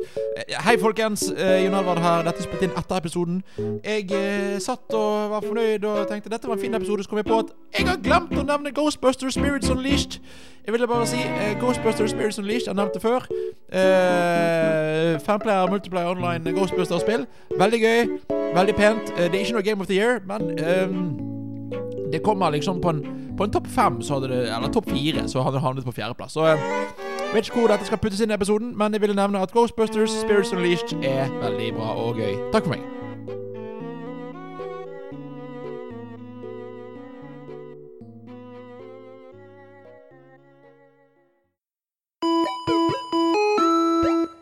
Er vi tilbake, og eh, i utgangspunktet så skulle vi jo nå egentlig kåre best, de spillene vi ikke rakk å spille i 2022. Eh, men pga. litt eh, tidspress så tenker vi at eh, Mats Jakob skal få slippe til med vår unike og eh, gjeve kategori Guguti.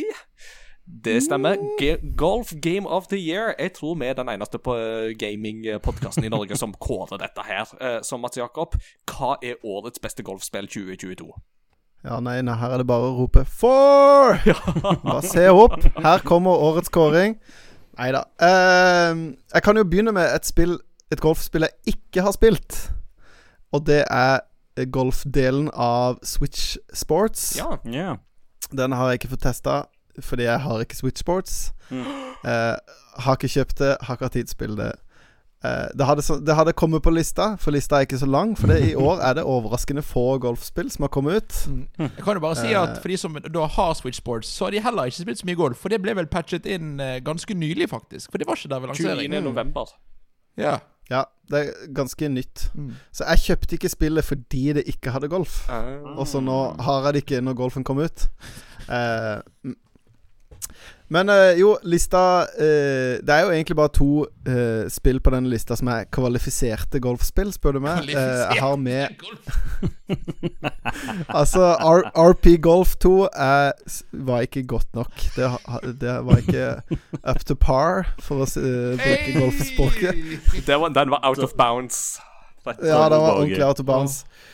Nei, så det er jo Mitt Gogoti i år er jo selvfølgelig eh, PGA 2K23, Tiger Woods, eh, Tour eh, Og det eh, Jeg vil få lov å prise det litt, for dette er i utgangspunktet eh, motstander av sportssimulatorspill. Jeg er veldig fan av arkade eh.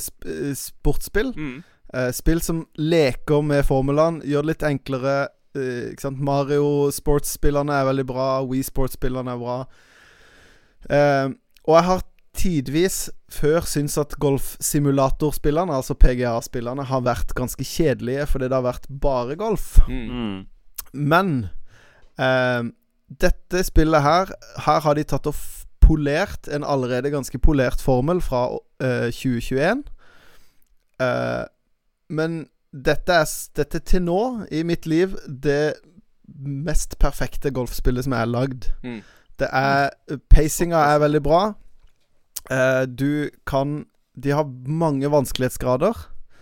Uh, du velger selv uh, sponsorer. Du velger selv hvem som er rivalen din. I det forrige spillet så ble du bare tildelt en som var sånn Oi, dette er rivalen din. Og så er det sånn OK, hvem er det? Men her har du på en måte tears med rivaler, hvor da selvfølgelig Tiger Woods er den penultimate rival. Mhm. Som du da Og rival, det vil egentlig bare si den du spiller en turnering, hvem du spiller sammen med i turneringa. Mm. Altså dere spiller parallelt. Som de gjør i ekte golf. Ja. Mm. Bare at da flytter det jo på seg fra runde til runde, men her spiller man jo faktisk samtidig da hele tida, hvis man velger. Um, Ja, eh, jeg syns dette er kjempeinteressant. Eh, jeg er litt nysgjerrig. Jeg har da en far og en bror som spiller masse golf. Og jeg som mm. ikke er så glad i golf. Eh, er dette et spill som kunne passet for oss å spille sammen, tror du? Altså, Må du kunne mye om golf? Må du kunne lite? Funker det for begge? Hva, hvor, hvor nybegynnervennlig er dette for, for golfentusiaster eller vanlige mennesker? Um, det er jo som alle litt sånn simulatorspill, så, så er det jo et hopp for å For det er mange mekanikker. Og hvis du ikke kan noen av mekanikkene i golf, så kan det hende at læringskurva er litt bratt i begynnelsen.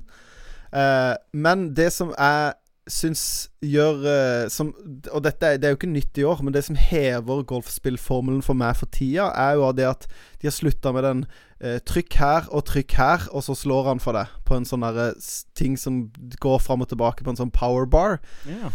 Nå er det faktisk Du må lære deg rytmen eh, med thumbsticken. For du drar høyre thumbstick ned for å svinge bak med kølla, og svinger den framover. Og den tracker veldig nøye om du er rett, eller om du slicer, eller Mm. hva du gjør, og timinga di, da. Så i begynnelsen så er mye av læringskurven ganske bratt. Og den vil være lik for både deg og din eh, familie. Eh, for du må faktisk lære deg rytmen. Og når du først den rytmen sitter, så er det jo helt konge. Og jo mer du vinner, og jo flere rivaler du slår, jo flere på en måte Jo bedre grep får du på køllene, jo bedre skaft får du, eh, jo bedre blad får du. Eh, sånn at etter hvert så blir det jo faktisk Etter hvert som du blir bedre, så blir det også lettere. Mm. Hvis det høres veldig teit ut. Men, men det er veldig sånn tilfredsstillende. For når du først da begynner å få liksom the hang of things, Så begynner du å tenke OK, green går den veien. Da må jeg legge backspin, sånn at jeg får ballen til å lande der. Eller jeg må eh, her heller fairwayen sånn, så jeg må spille den mer til høyre. Eh, Og du, du på en måte Da kommer du mer inn på den derre veldig golfete golfinga. Og dette er jo jeg, jeg, jeg, eh, Bare disclaimer til alle som hører på. Jeg er veldig klar over at dette er veldig sært. uh, men eh, listen to my eh, engasjement. Eh, sånn at eh, Til å begynne med er det veldig enkelt å forstå. Skyt ballen så langt fram du kommer, og vinden blåser mot høyre. Etter hvert så blir det på en måte enda mer spill Altså det blir mer og mer nyansert, da, uten at det blir mer komplisert, fordi det kommer litt sånn naturlig, da. Eh, og så kan man jo velge helt sjøl om man vil spille én runde per turnering, eller fire runder per turnering. Men du kan også velge å spille én runde på sånn vanlige turneringer, men spille fire runder på major tournaments. Eh, og eh, du kan jo plukke OK, denne banen her liker jeg veldig godt, så den denne vil jeg spille flere runder av. Men den banen her er litt kjedelig, så den vil jeg bare spille én runde av på touren, da. Og så spiller du Det er jo som alle andre sånne spill, at du spiller jo sesonger. Mm. Så du kan spille så mange sesonger du vil. På en måte Du kan jo spille til du dør. eh, Ja. Og så er det sånn deilig pick up and play-spill, og masse utstyr. Og de prøver seg på noe mikro eh, Sånne her, eh, season pass-greier at du kan kjøpe, og da får du noe per For hvert eneste level når du leveler. Eh, eller så er det vanlig med at du får hvert tiende level og sånne ting. Så det er Det er litt, eh, litt for enhver smak, men man må like golfsmaken, da. Mm. Jeg har jo inntrykk av at uh, av alle disse her 2K-spillene, så er jo golfspillene kanskje de minst pushete når det kommer til mikrotransaksjoner, mens basketspillene er jo helt horrible på det området der. Ja, det er helt krise. Så ja. ja. Det er veldig det, Altså, mikrotransaksjonene er der, men og, og de pusher det i form av at ja, jeg starter opp spillet for første gang på et par dager, og så kommer det første jeg møter, er en reklame for et season pass. Mm.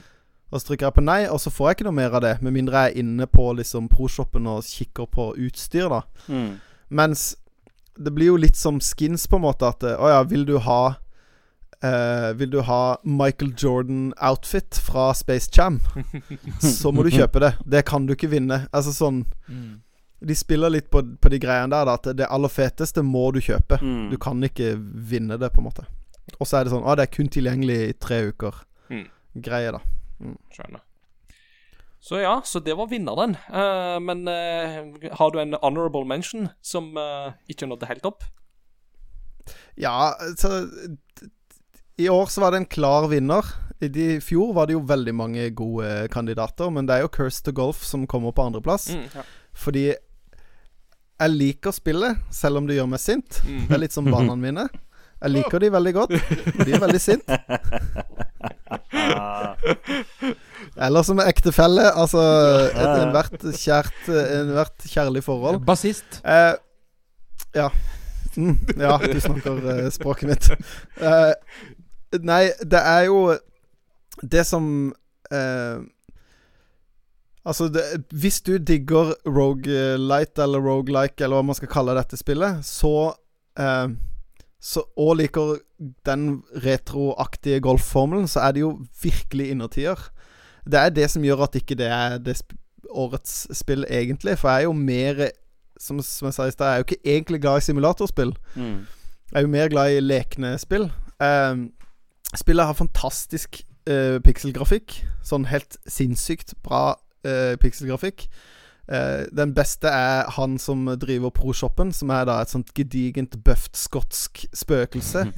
som uh, snakker til deg på som er, Og det er jo ingen Det er jo bare tekst, men det er jo skrevet på skotsk. På en måte med Oh, skotsk yes. dialekt. Det er kjempegøy. Eh, musikken er dødsbra. Den er Det er Altså, det er Shovel Night-kvalitet på musikken. Og samme liksom pumpen-greie, da, på mye av tingene. Sjekk ut soundtracket til Curse to Golf. Kjempebra. Eh, og så har de jo på en måte gjort noe gøy og litt annerledes med golfpakka. Det setter jeg veldig pris på, for det, det, er, det er jo golf er jo golf. Mm. Eh, men her er det jo litt sånn at du, du har forskjellige kort du kan spille, som gjør at f.eks. du kan spille en ball, men, du, men slaget teller ikke. Fordi at man kan plukke, knuse sånne statuer som gir deg ekstra slag. Ja.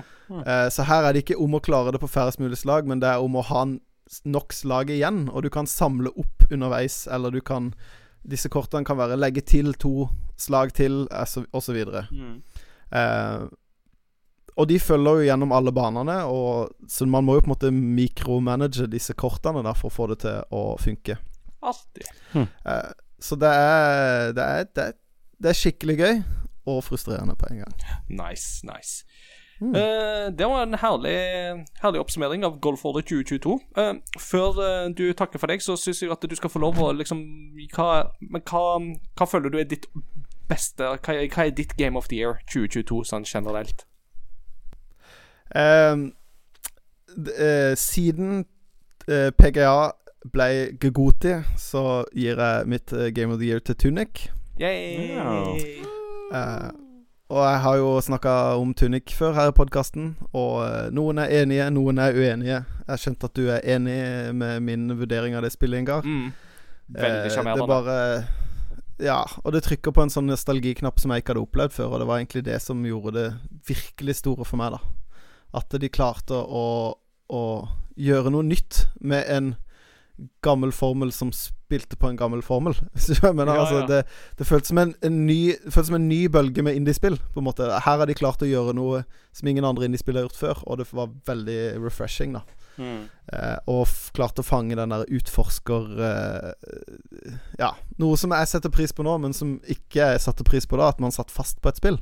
Mm. Men det at man kan sitte fast på et spill, og det er liksom ikke Det er ikke noe hjelp å få. Du må bare surre rundt og lete, og til slutt skjønne det, da. Eh, det satte jeg veldig pris på. Det var nydelig. Og det blir ikke siste gang Tunic Mm. blir nevnt i denne episoden heller, så det kan jeg ikke allerede avsløre. da. Så. Ja. Eh, Dommer Jakob, eh, tiden er knapp, så du skal ha takk for deltakelsen. Og så Takk for meg. Ja. Og så eh, er det jo bare å eh, fortsette å game inn i romjula. Og Mm. yes. Vi snakkes. Mat Matane. God jul.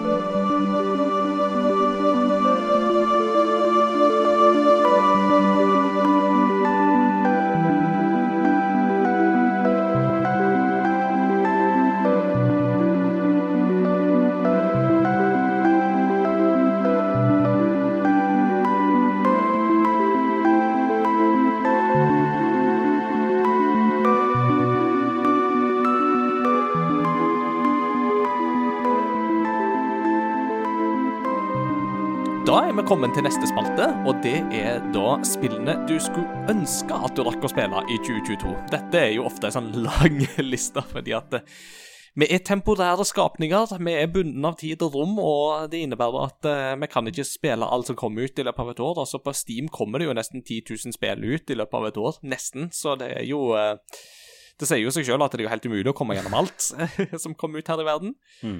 Um, Jon Edvard, nå um, er det en uh, stund siden du fikk lov å begynne, så kanskje du har noen spill på denne lista som du har lyst til å dele med oss? Ja, jeg tenkte på det da, fordi at jeg eh, var sånn Ja, hva, hva er det jeg ikke har rukket å spille? Og jeg, jeg vet ikke om det er det at jeg blir eldre, og da blir også litt særere, men det, det var liksom Det var mye jeg ikke rakk. Samtidig så det var, det var ikke så mye jeg ville spille, så jeg følte sånn Å, nå går jeg glipp av mye. Så ser jeg på listen, og så Nei, men jeg ville jo ikke spille dette. uh, så jeg har en relativt kort liste. Den ene er mer en kuriositet. Det er Gotham Nights. Ja. Ja. Mm. Uh, og det var, sånn, det var et kult konsept. Så kom, ut, kom anmeldelsen ut og sa at det var helt OK, men det virket jo fortsatt gøy. Så det er sånn Får jeg det til jul? Jeg spiller det, men jeg vet ikke om jeg løper ut for å skaffe det når jeg har tid. Eh, og det andre er jo da God of War Ragnarok, som jeg håper uh, Og jeg vet blir mitt romjulsspill. Og det vet jeg, for jeg skal bare fortelle en rask historie her. Min kjære fetter Elias, jeg caller deg out of podkasten. Eh, han ringte meg for noen dager siden og så Yo, du, jeg bare lurer på noe. Yo, hva da? Har du kjøpt God of War Ra- Ragnarok? Eh, nei? OK, ikke gjør det. Ha det. Klikk. så eh, jeg hadde en liten anelse om hvor det er til jul. minst subtile gave-teasinga jeg har vært borti. Nydelig. Men altså, for all del, jeg er veldig takknemlig, så, men det var, bare- det var bare Og jeg, jeg sto på jobb og bare sa Nei, det har ikke jeg spilt. Å ja, ha, ha det. Så eh, jeg, jeg, rakk, jeg rakk ikke å spille Ragnarok, men noe sier meg at eh, det er på vei under et juletre. Ja, Så herlig. det, var- Nice, da. det var det jeg hadde. Ja, jeg gleder meg. Ja, ja, ja, det har all grunn til, og det var, det var jo en fantastisk historie. Ja. Ja, nydelig. Rett og slett nydelig. Så da Uh, Peter, Mm. uh, du klagde din nød før vi begynte å spille inn episoden, at uh, du var så usikker på om du hadde spilt så mye spill som kom ut i 2022, så nå skal du få lov å dele sorgene med oss. Hva er det du ikke har rukket å spille i år, da, som du gjerne det- skulle spilt? Det er jo det, altså jeg er jo egen googla sånn raskt eh, spill som kom ut i 20 og det er sånn Hvem er det egentlig som jeg har absolutt, absolutt, absolutt ville ha spilt? Eh, og den lista er ikke ekstremt lang, den heller. Eh, øverst på lista mi er A Plague Tale, eh, Requiem. Um, eh, er det, det er, jeg har det her, for jeg har, jeg har spilt 30 minutter. Mm. Eh, og det er det jeg røkker. Ehm, og, men jeg, jeg gleder meg veldig til fortsettelsen. Jeg syns første spillet var så bra, og det, to, oppfølgeren, toeren, ser utrolig lekker ut. Uh, og har veldig høye forhåpninger til eh, fortsettelse, fortsettelse av det spillet, og har jo hørt både fra deg og det jeg har lest på nett, at det, jeg har mye godt i vente. Mm. Så det er liksom uh, Ja, skulle veldig gjerne fullført eh, det mer og fullført det. Uh, der kan jeg jo nesten ta på God of War òg. Jeg har bare spilt et par timer. Ehm, og koser meg, jeg koser meg veldig med det, og fått en sm god smakebit av den, i hvert fall. Ja. Uh, videre, Kirby and The Forgotten Land. Eh, Mm. Det ser jo utrolig festlig ut. Og eh, hører jo bare positivt om det. Um, så det er liksom eh, relativt høyt opp på lista òg, over spill som jeg vil få spilt, uh, fordi Derfor. Det, altså, det bare ser bra ut. Eh, ja, og eh, Jo, søt, da. Ikke minst. Og så fikk jeg jo sansen for et uh, viss, viss Gogoti. Um, ja. Så jeg har, fant jo ut i fjor, var det vel, at golfspill er jo litt artig. Ja. Eh, det, og eh, da- det ble jo en del eh, med 2022-versjonen av eh, av golfen. Som Og da hvorfor ikke prøve meg på 2023 etter hvert. Mm. Um, og så har jeg Call of Duty Modern Warfare 1. Nei. To. Ja. Vi er kommet så langt nå, vet du. To. Sånn. Uh, som jeg veldig gjerne skulle ha spilt storyen på. Eh, f- og det For der er Altså, det eneste klagen jeg har hørt fra når det kommer til det spillet, at storyen er litt for kort. Mm. Uh, og det er jo trenger nødvendigvis ikke være negativt. Eh, for det er heller ha en, eh, en kort, eksepsjonelt bra story enn en som en, Ja, at du drar det litt for langt. eh, for det er veldig uheldig. Mm. Um, så Jeg det. så jeg, det gleder jeg meg veldig til å få testa. Uh, det var på tilbud nå for litt siden, så da fikk jeg kjøpt det i hvert fall. Og så tar vi derifra. Var det på tilbud allerede? Uh, det var sånn Black Friday-sak. Oh. Så da var jeg på Blizzard, og så bare sånn Ja, OK, da. Og så Jeg, jeg så trodde at liksom Call of Duty-spill var liksom det som på en måte i likhet med Nintendo-spill veldig sjelden kom på tilbud. mm. Nei, så det Jeg håper i hvert fall det er kjøpt. Jo da. Det... Nei, så det blir Nei, det var. Curler Duder. eh, Mm, to. Å, nå. Modern Warfare. Så, mm. så det er min uh, søtte, korte, lille liste. Ja. Og så er det bare å lene oss godt tilbake, for nå skal Ingar få slappe det. Oh yes. Uh, og selv om jeg har fått spilt masse som har kommet ut i år, så er det mange ting som jeg ikke har drukket. Og den store synderen her er jo Elden Ring. Jeg har ikke drukket å begynne på Elden Ring i år. Jeg har bare ikke drukket det. Jeg har, altså, det har vært mange ting som har forhindra meg fra å spille det. Det har jo vært Prioritering er jo selvsagt en av de. Altså, det må jeg jo bare ta på min kappe. Men det har òg vært med Altså, vi har flytta. Det har eh, vært andre spill som har kommet ut, som har i utgangspunktet frista meg mer. Det har uh, vært at uh, Ja, visse perioder på året der det ikke har vært så fristende å begynne på et spill som bare skal straffe meg brutalt og hardt, uansett hva jeg gjør. Eh, men òg bare det faktum at jeg har tatt veldig mange anmelderoppdrag i år for Game Reactor. Og det er klart at når jeg da tar de oppdragene, så har jeg ikke tid til å spille så mye andre ting. Uh, og da går det jo faktisk vekk. Og før eh, vi fikk sukk for oss, så var det plutselig desember, og ja. Så den clickbaitige tittelen her er at Ingar valgte å spille Chocobo GP istedenfor Elden Ring. You know it! Mens han hadde covid. Thank, thank you very much. Så Nei, men altså, til mitt forsvar, det, det var andre som tok og anmeldte Elden Ring, så det var, det, det var, var Game Rectors sin feil, det var ikke min feil. Ja. Så da, den neste clickbait-tittelen Ingar spiller bare, spiller bare spiller hvis han får de. Ja. Nemlig. Uh, andre spill um, Gran Turismo 7 har jeg bare så vidt rocka og testa litt, men jeg skulle veldig gjerne testa det mer, for jeg likte veldig godt det jeg fikk spilt. Um, så jeg, dette er et spill jeg skulle gjerne ønske at jeg hadde rocka å spille mer enn det jeg gjorde. Uh, selv om uh, start, altså det jeg hadde spilt, har vært veldig artig. Cult of the Lamb er jo et uh, indiespill som jo har tok uh, spillbransjen med storm i høst. Uh, og altså for en teolog så er jo et uh, indiespill der du skal drive din egen holdt på å si, satanistiske kult med liksom menneskeofringer i altså, altså kombinasjon av Animal Crossing og, og menneskeofringer. Det er jo Kjære What's vene. not to like about this? det, Ja, OK. Ja, jo, jo. ja. jeg har jo allerede en kult eh, som følger Nei da. det- Som ypperste prest, så hadde jeg jo nesten vært programforplikta til å eh, ha noe her, men eh, ja eh, Forhåpentligvis eh, ved en senere anledning så skal jeg få spilt det.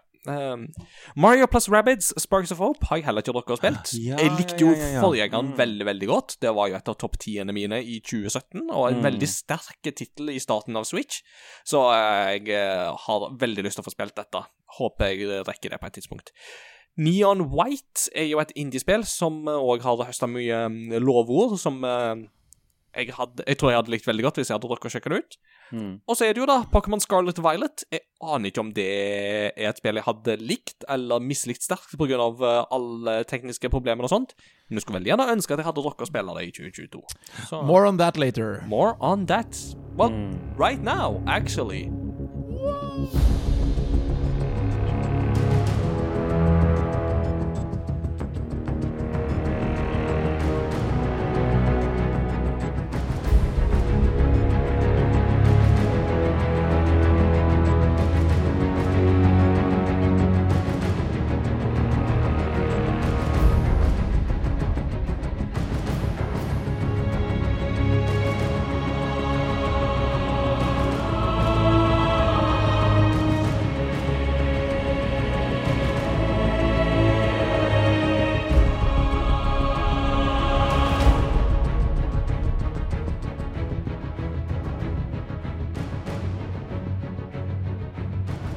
stemmer, folkens. Vi er endelig kommet til det store høydepunktet. Nå er tida nemlig kommet for å kåre årets beste spill 2022. Og før vi da skal kåre en kollektiv eh, tittel, så er det jo da våre individuelle lister som kommer. Og Jon Edvard, nå teaser du jo dette her veldig bra, så jeg syns du skal begynne med dine beste spill. Og da har, tenker jeg jo i utgangspunktet topp ti, men altså, har du ikke ti, så begynner du der, du, der det passer.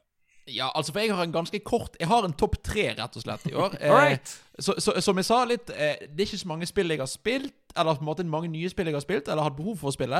Og så satt jeg og tenkte OK, skal jeg liksom lage en lengre liste? Men da gikk det fra Game of the Year til spill jeg har spilt i 2022. Og det er på en måte, jeg har lyst til på en måte den listen skal være spill jeg tenker dette er ordentlig gode spill. Så jeg kan jo nevne at for eksempel Kirby og Switch Sports er spill jeg har spilt, eh, spill jeg har likt, men det er ikke noe som kommer liksom på dette må spilles i år-listen for min del. Ok. Mm. Ja. Eh, så jeg har da på tredjeplass så har jeg Marvel Snap. Ja! ja. Det er òg et spill jeg gjerne skulle ha likt å spilt i 2022. Det er jo da mobilspill. Det er fra skaperne av Heartstone, eller i hvert fall produsenten. og noen En av hovedhjernene bak det, ja. Riktig. Uh, og det er et veldig enkelt, Eller uh, veldig enkelt å komme inn i kortspill, som er sånn som Heartstone. Det er ganske dyp meter rundt det, men det var til telefon, og det var liksom Jeg har alltid hatt lyst til å ha et kortspill som jeg liksom kan spille på telefonen her og der. Jeg, jeg, jeg kom inn i Heartstone for seint, rett og slett. eh, og uh, Pokémon-kortspiller på telefon jeg, jeg, jeg vet ikke om det er på telefon engang, men det jeg, har, det jeg har prøvd før, funker ikke så veldig bra egentlig sånn teknisk. Så Marvel Snap det er liksom Det er visuelt så er det veldig gøy å spille. Det er rewarding ganske jevnt uten noen mikrotransaksjoner, selv om det selvfølgelig du kan kjøpe ekstra, men bare som en gratisspiller er det fortsatt mye å få. Og eh, gameplayet er enkelt, kort, dypt nok og gøy. Så det er rett og slett eh, Ja. veldig positivt overrasket over Marvel Snap. Kult. Veldig, veldig bra tittel å anbefale der. Og ikke minst kanskje noe ikke minst å plukke opp i romjula. Eh, for det er jo, når det er tilgjengelig på mobil og alt, så er det jo for meg Jeg syns jo det høres ut som et perfekt spill å pusle med. Anbefales. På andreplass så har vi da eh, et spill vi ikke har nevnt eh, til, eh, i tidligere episoden, men som jeg er blitt veldig glad i. Mario Strikers. Ja! Det var òg en, ja. Det var et spill som eh, Altså, for å ta det litt tilbake Når Mario, Mario Strikers kom til GameCube, så spilte jeg det hos en kompis. Eh, Igjen, dere hører som barn spilte jeg da mye spill hos venner. Men jeg var da så hyped at jeg brukte Jeg husker til og med jeg brukte 1000 kroner på å kjøpe en pakke med GameCube og Mario Strikers på Toys R Us på Lagunen. Dette sitter godt fast i hjernen. Uh, og spilte det Jeg tror det er det sportsspillet jeg har spilt mest. Det er så Eh, bra, det spillet der òg, altså. Elsket det og elsker det, og på en måte det jeg har eh, Altså, ikke hør på Nintendo, men jeg har òg emulert det til tider. Eh, Det kan Eh, men- det, det er foreldre, Saken er forelder og kan ikke straffes. korrekt. Uh, og, har, og var veldig hyped når det kom ut. Ja, det glemte jeg. Jeg var også veldig hyped på det. Det glemte jeg å nevne tidligere. Uh, og fikk det. Det var til og med litt feillevering av PostNord, så jeg, til post, jeg kjørte til nærmeste PostNord-terminal for å hente det. Fordi at det kom ut på en fredag, og hvis ikke jeg hadde hentet det, måtte jeg ventet hele helgen uten å spille det. Eh, Sånt kan så- vi ta. Huff og huff. Eh, hentet det, spilte det. Eh, og jeg var rett og slett litt sånn smålig forelsket. Det For meg så ble det en litt mer eh, altså, de gjorde det hakket mindre Nei, hakket mindre arcady. Det var litt mer simulator og litt mer strategi. Det likte jeg. Jeg spilte til og med denne online-ligaen i noen måneder og koste meg. Så det var rett og slett for meg en suksess. For meg og ganske få andre, virket det som, egentlig. Mm. Ja, eh, jeg var jo litt av de som kanskje savna det der arcady-elementet litt grann med det. Men, altså, men det er veldig mye å like med det òg, ikke minst fordi at eh, Next Level er det vel som har utvikla det. Det er jo de samme som har laga Luigi's Mansion, og de har en utrolig god forståelse av Switch-arkitekturen. Altså, de får det jo til å kjøre så smooth. Absolutt. absolutt Både det visuelle og animasjonene. Og jeg husker det var mange som var redd før dette ble annonsert, at de, de kom aldri til å la Mario se sint ut igjen. Men her er han sint! Ja. Så eh, Mario Strikers var veldig, veldig gøy. Så det anbefales i hvert fall fra meg. Og så er det nummer én.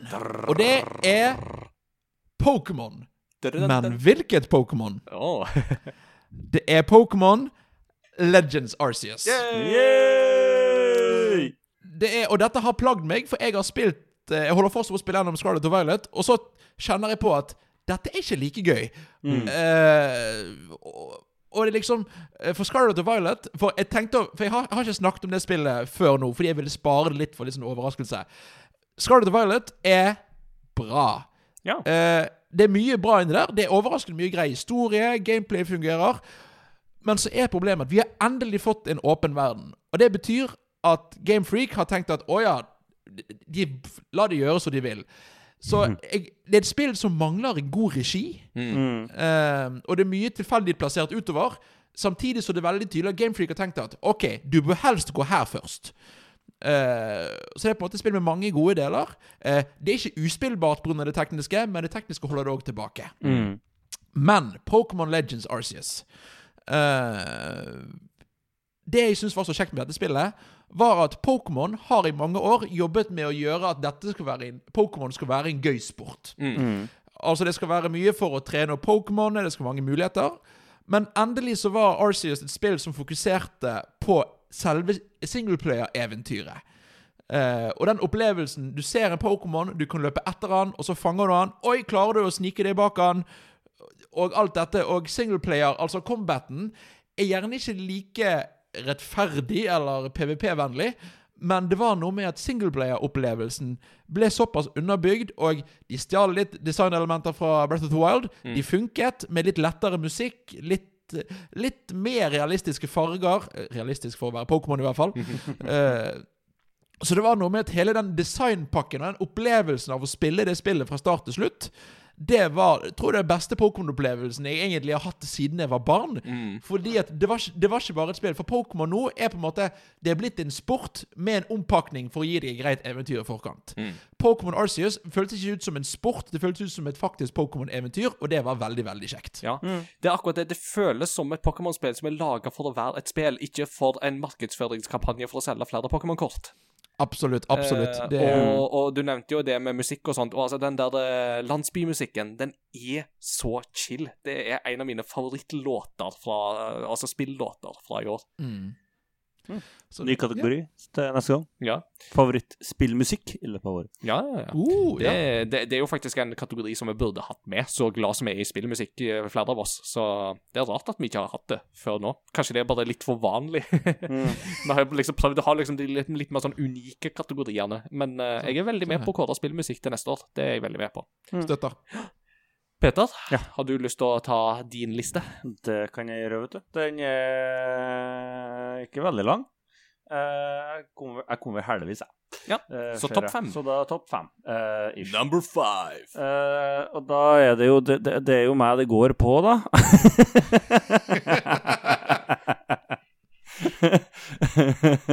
Så da, da, da, da, da, da, da er det jo da Elden Ring som kommer der.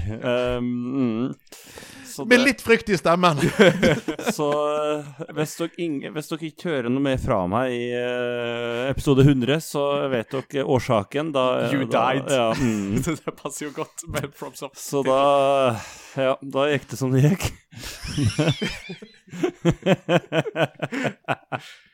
Nei, så Elden Ring, altså det er og- Og det irriterer meg jo litt, for det er ikke et dårlig spill. Mm. Eh, men det er bare Ja.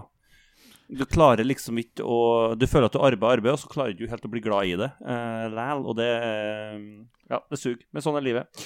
Uh, neste på lista, der har jeg Stray. Ja. er Kattespillet. Eh, det syns jeg var ganske koselig. Ja. Og likte egentlig det ganske, ganske godt. Um, det er veldig slow-paced eh, til tider, og du går og leter ganske mye. Men eh, det er ikke større enn at det er et problem. Litt eh, vanskelig å Bli litt retningsforvirra Mm. eh, ganske ofte. Og når du skal liksom gå fra Du, du vet hvor den bygget du skal egentlig er hen, men du, går, du må gå feil fire ganger eh, før du liksom finner fram. Det var Men det Ja, det, altså det er et spill som anbefales. Det er ikke så langt heller, så det er bare å prøve det. Det er veldig bite-sized. Eh, og så, neste på lista, der har jeg Overwatch 2. ja. Uh, ja. som er Årsaken til at det kommer høyere, er fordi at det er såpass likt med um, eneren, naturligvis. Mm. Uh, samtidig så har de gjort uh, ganske mye med spillet som jeg liker. Jeg, klarer, jeg har ikke helt bestemt meg om jeg foretrekker at du har fem uh, per lag i stedet for seks. Eh, det, Jeg tror jeg foretrekker det, ja, faktisk. men for, altså, problemet er at tankene har blitt så ekstremt mye mer tanksy at det er veldig Altså ja, altså grisen er helt håpløs hvis en vet litt hva han driver med. Uh, at det ble nesten for slitsomt. Mm. Eh, ja. Uh, men eh, altså, det er jo fortsatt et fantastisk artig spill. Um, og bare for å eh, ta, si det som et par av elevene mine sa, det var irriterende artig eh, når de prøvde på Dreamhack. Eh, for de har, de har jo visst av Overwatch i årevis. Alle spilte, og så var det sånn Ja, ja, nå er det, på gratis, så vi kan, nå er det gratis, så vi kan prøve. Mm. Og så um, ble de litt irritert, for de likte bedre enn de skulle ønske at de likte. så det Ja. Og jeg elsker det at Overwatch 2 har gitt Overwatch en ren- renessanse nettopp fordi det er gratis. Mm, absolutt. Så det er altså Ja. Som, eh, som, jeg ofte, som jeg ofte føler jeg sier i den podkasten her. Hvis du ikke har prøvd det, få ut fingeren, prøv det. Eh, neste på lista er Der er God of War. Eh, det kan hende at på slutten av året så er det nummer én, men det er nummer to rett og slett fordi at Jeg er ikke ferdig med det. Eh, og ja jeg spilte noen eh, par-tre timer og koser meg Jo, jeg koser meg veldig med det. Og så er det jo Du får jo en veldig Jeg får en veldig fin tråd igjen i den historien. For jeg, Mm. for jeg begynte jo direkte etter å ha spilt eneren. Ehm, så det er utrolig stas. Jeg, jeg lærte meg i år, eller nå, at du altså i eineren, når du er helt ferdig, så skal du gå hjem til huset ditt og legge deg. Mm. Det fikk ikke jeg med meg første gang jeg spilte gjennom. Mhm. Anyway. sånn er det. Så da Og da øverst så er da, Horizon Forbidden West. Hey, Loi. Som er oh, smooth. Den, Den veien ble til mens den gikk, for å si det sånn. Gå på skinnet, det her. Eh, Gå som en jeg dans. Synes, eh, var Takk for meg. mm, Takk til deg. Bare hyggelig. Som jeg syns var et utrolig bra spill. Eh, Jeg likte historien veldig godt. Karakterene i toeren er bedre gjennomført, mange av dem, Mm. enn de er i eneren. Eh, jeg liker hvordan hun har utvikla seg videre fra eneren. Jeg føler Du føler ikke at du starter på scratch Nei. helt, eh, for det er litt sånn Lite sånn irritasjonsmoment eh, når du spiller en oppfølger, er at det virker som de har glemt veldig mye av det de lærte i eneren. Mm. det føler jeg jo egentlig litt i God War òg. Nå er den jo veldig puslete igjen. Ja, men du Eh, Tåler du den lille spoileren, Jon Edvard? Har du fått med deg forklaringer på. på. hvorfor? Ting er så puslete, og hvorfor det har du ikke Hvor er rustningen? Hvor er våpnene? Nei, det er jo Fimbulvinter. mm. That's it. Så, Så den, det, ja. men sånn er det. Altså, har du en det- vinter som varer i tre år, så skjønner du det at det tærer på ressursene. Ja. Så det Så det, funker Det funker relativt greit, men det Ja. Så det er mm, Mens jeg, føler at de tok, tok historien veldig bra videre i, eh, i eh, Forbidden West, og Altså, jeg kommer jo ofte til eh, Altså, naturen, eh, den verden, er jo bare helt amazing. Den er så Den er så vakker. Altså, når du ene seansen her, når du blir oppå denne langhalsgreia, så blir du heisa opp fra en sånn uh, undergrunnsbase, så får du liksom den utsikta Jeg fikk det i soloppgangen, og det var bare sånn Du blir liksom lamslått. Det var jo det som fikk meg til å finne ut at jeg må ha ny TV. Ja. for, fordi, fordi jeg så så godt hva jeg gikk glipp av. Så det kvalitetsmessig. Så det er så vakkert. Mm, skjønner. Er litt nysgjerrig siden dette er ditt Game of the Year. Hva tenker du om både DLC og VR-spill til neste år? Er det noe som du har hype for, eller har du fått nok, liksom? Eller hva tenker du om eh, fortsettelsen? Altså, jeg må jo sjekke ut det, da. Det skal jeg jo selvfølgelig gjøre. Men eh, akkurat eh, du, den høsten her har vært så travel at jeg, jeg vet veldig lite om hva som skjer neste år. Skjønner, skjønner. Uh, jeg vet at uh, Harry Potter har blitt utsatt, uh, så jeg, jeg er der, jeg. Ja, ok. Ja. Det, det, det, det, det, det, det der røkket. Ja. Mm. Så det var, det var min liste. Ja, da er, ja, da er det Ingar. Da, vær så god, da er det topp 25-listen din, da. Så ille Ikke, ikke glemt av 44 honorable mentions. Nemlig. Stemmer. Unnskyld, unnskyld. sammen for 66. The Game of the Year List of the Beast. Nei da, så ille er det ikke. Nei da. Eh, jeg har korta det ned til en topp ti-liste, men jeg har eh, to honorable mentions. Jeg kunne jo egentlig sagt tre honorable mentions, for at Overwatch 2 eh, koser meg veldig med det, eh, men som du sier, litt det er jo Altså, det bygger jo mye på det samme grunnlaget. Eh, jeg vil òg slenge inn en honorable mention til Splatoon 3. Uh, veldig Mm, artig yeah. uh. Switch-spill. Eh, altså, multiplayeren kunne de gjerne gjort litt mer med, men det var veldig nært å komme på min topp 10-liste. Rett og slett fordi at singleplayer-delen koste jeg meg så utrolig med. Ikke Mm. minst at det, det har noen bosskamper som er helt bananas. Jeg lo så jeg grein. Eh, og det er alltid for meg et kvalitetstegn. Eh, og uh, en honorable mention òg til Live Alive. Uh, denne her remaster, eller remaken av det gamle Super Nintendo RPG-spillet som vi aldri har hatt, og som har vært en sånn hidden gem som det var veldig gøy å endelig få spilt det. Og altså, det er det spillet som har brukt 2D HD-grafikken til um, Square Enix aller, aller best. Eh, og uh, musikken til Yoko Shimamura er helt fantastisk. Altså det topper seg når hun Altså, når du spiller liksom present day, og du da spiller historie til en som basically er i Street Fighter, så hele menyen og liksom alt gameplayet blir veldig sånn Street Fighter-ish, inkludert musikken. Og det passer jo veldig godt, for Yoko Shimomuras gjennombrudd var jo nettopp med Street Fighter 2-musikken. Det var der hun virkelig slo igjennom. Så det blir en sånn det er en sånn callback til hennes egen uh, greier, da, som åh, jeg bare digger det. Og da hadde noen av det liksom utrolig gode øyeblikk. Men her er da altså min topp ti-liste, som vi begynner på number ten. Jeg skal bare sjekke at jeg nå har ti spill her.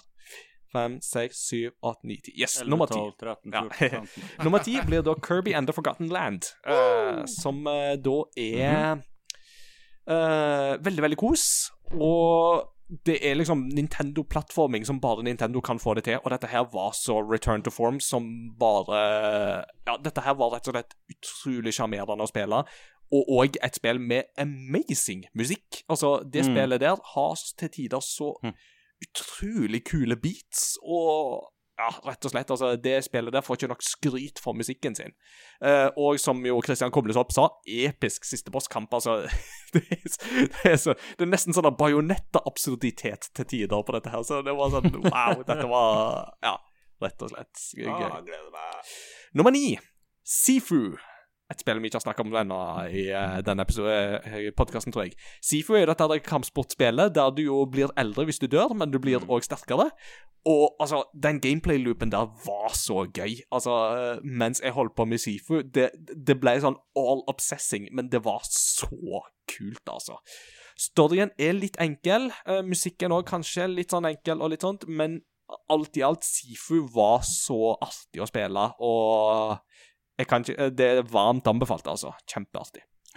Nummer åtte, Horizon Forbidden West. Mm. Horizon Forbidden- Forbidden West var, som Peter jo sier, bygger veldig bra videre på grunnmaterialet. En veldig god oppfølger på alle måter. Grafisk sett ser det jo helt amazing ut. Stemmeskuespillet til Ashley Birch og er jo top notch. Alle birollefigurene syns jeg òg er mer forseggjort. Og som du sier, altså det er, det er en veldig, veldig god oppfølger på alle, alle måter. Uh, og ja Uh, eneste grunn til at de ikke kommer høyere, er rett og slett at jeg syns både de andre spillene som jeg plasserer høyere opp, rett og slett ble litt bedre. Men det er jo litt av det der oppfølgersyndrom Eller Mm. det, det, det er jo litt av den der svakheten med å lage en oppfølger òg, ikke sant? Så Jo, jo. Du tar Eh, feil, men det er greit. ikke sant? uh. Nummer syv. Teenage Mutant Ninja Turtles Shredders Revenge. Jevel. Snakk om spill som har bra soundtrack. Dette er nok mitt soundtrack i uh, gaming soundtrack of the year, altså. For en fantastisk beat. Og hvis jeg hadde nevnt dette her, og Mats Jakob hadde stått der nå, så er jeg helt sikker på at han hadde slengt dette her inn som et uh, spill Turtles-fan, som han tross alt er. Men altså, dette er jo Altså, så mange har liksom forsøkt å lage noe som kan være en god oppfølger til eh, Turtles in Time. Dette er spillet som virkelig får det til, og den arcady følelsen som du får med det, samtidig som at det føles bare Turtles tvers igjennom, det er helt, helt amazing. Og storkost meg, og dette er jo faktisk blitt det albumet som jeg har hørt mest på på Spotify i år, så kan ikke anbefale det nok eh, for den type spill, altså. Nummer seks, Tunic. Mm. Det at Tunic er laga av én person, det er helt amazing. Altså, for Ja. det kjører så bra. Det er så kreativt, det er så originalt, og det er så vakkert. Og så er det så gøy å spille. Uh, og måten dette spillet forklarer deg hvordan du skal spille spillet, uten å bruke ord, iallfall ord som du i utgangspunktet kan forstå, det òg er helt utrolig. Og illustrasjoner og musikk og gameplay, top notch. Dette var en veldig positiv overraskelse, syns jeg. Men det som òg ble en veldig positiv overraskelse, det er nummer fem. Return to Monkey Island. For yeah. en eh, gammel Monkey Island-fan som eh, meg, så var det jo litt sånn der eh, Wow. eh, Ron Gilbert og Dave Grossman skal tilbake og lage eh, Monkey Island. Og de skal liksom fortsette der historien slapp i Monkey Island 2. Hvordan kommer dette til å gå? Resultatet helt fantastisk. Altså, dette er du, de, de kunne fått det havna i liksom en sånn nostalgifelle og bare liksom laga en sånn nostalgitripp, men tvert imot så dette er et spill som tar på alvor at spillerne har blitt eldre. Uh, og det har Mm. spillmediet òg. samtidig som at dette føles så Monkey Island tvers igjennom at det er bare helt amazing. Og igjen, humoren, altså. Det er ingen spillserie som får til humor så bra som Monkey Island, og jeg lo igjen så bra av dette spillet her. Og ikke minst takket være amazing stemmeskuespill av Dominic Armato. Det er the one and only Guybrush Threepwood. Dette er så verd å spille, og ja det Jeg blir litt rørt av å tenke på slutten, faktisk òg. Det var en rørende slutt på dette spillet. Nummer fire var et spill som eh, jeg ble overraska over hvor godt jeg likte. Det var Pentiment. Ja. Ja, stemmer. Dette er jo da uh, dette spillet som uh, ser ut som gammel kirkekunst. Mm, ja. Foregår på 1500-tallet, og som i praksis uh, har hentet veldig mye historieinspirasjon fra Rosens navn, bare satt til et litt annet Litt annen epoke i liksom seinmiddelalder, tidlig renessanse. Det som overrasker meg så bra, eller så godt som jeg gjorde, er at dette er et spill som tar historieepoken så på alvor som det gjør. Altså, dette er jeg hadde jo aldri trodd at jeg som kirkehistorisk interessert skulle liksom få et spill som tar kirkehistorie så bra. Men det gjør jo faktisk dette spillet. Og Det er, det er ganske kult. ja, og det, altså, det, det, det tar dette her med på en måte teologiens plass og rolle, og ikke minst kompleksitet. Altså, at teologien var veldig mye mer komplisert på den tida der enn det man kanskje gir uttrykk for i eh, populærkultur. Og bare generelt òg dette her med at du får så vidt forskjellige utfall ut ifra hva bakgrunn du velger, hva språk du kan og sånt, og den der gnagende tvilen om at du vet aldri hvem Og så har jeg faktisk funnet løsninger. Jeg vet Mm. ikke. Det, det likte jeg veldig godt, altså. Og det som har blitt veldig positivt overraska over, er jo at eh, jeg var jo jeg tenkte jo at jeg liker bare dette spillet så godt fordi at jeg er så interessert i teologi og kirkehistorie og den slags type ting som jeg er. Men det viser seg jo at folk digger jo dette spillet. Og det har vært en positiv overraskelse for meg, at dette er ikke bare noe jeg syns er bra fordi at jeg er den jeg er. Dette har, dette har faktisk Dette er faktisk så bra fordi det er så bra som det er. Mm. Ja. Så, og et veldig godt eksempel på hvordan GamePass kan bringe fram spill som ellers aldri hadde sett dagens lys. Josh Sawyer har jo sagt at uten GamePass hadde ikke dette spillet blitt noe av. Nei. Så det er veldig spennende. Nummer tre. Det er litt spennende, eller litt dristig av meg å plassere det der, for jeg er ikke ferdig med spillet, men Xenoblade Chronicles 3 plasserer jeg der. Ja. Jeg har ikke kommet så langt i det spillet som jeg skulle ønske. Jeg jobber meg gjennom det, eh, men allerede nå så merker jeg at dette er et spill som kommer til å stå igjen som et av mine absolutte høydepunkt fra 2022. Dette er et så bra steg opp fra Xenoblade Chronicles 2, som hadde litt for tendenser til å bli liksom too much anime uh, the wrong way. Uh, ikke noe vondt om anime, men anime kan være veldig kleint til tider når ting gjøres veldig feil, og Xenoblade Chronicles 2 var litt i den båsen der.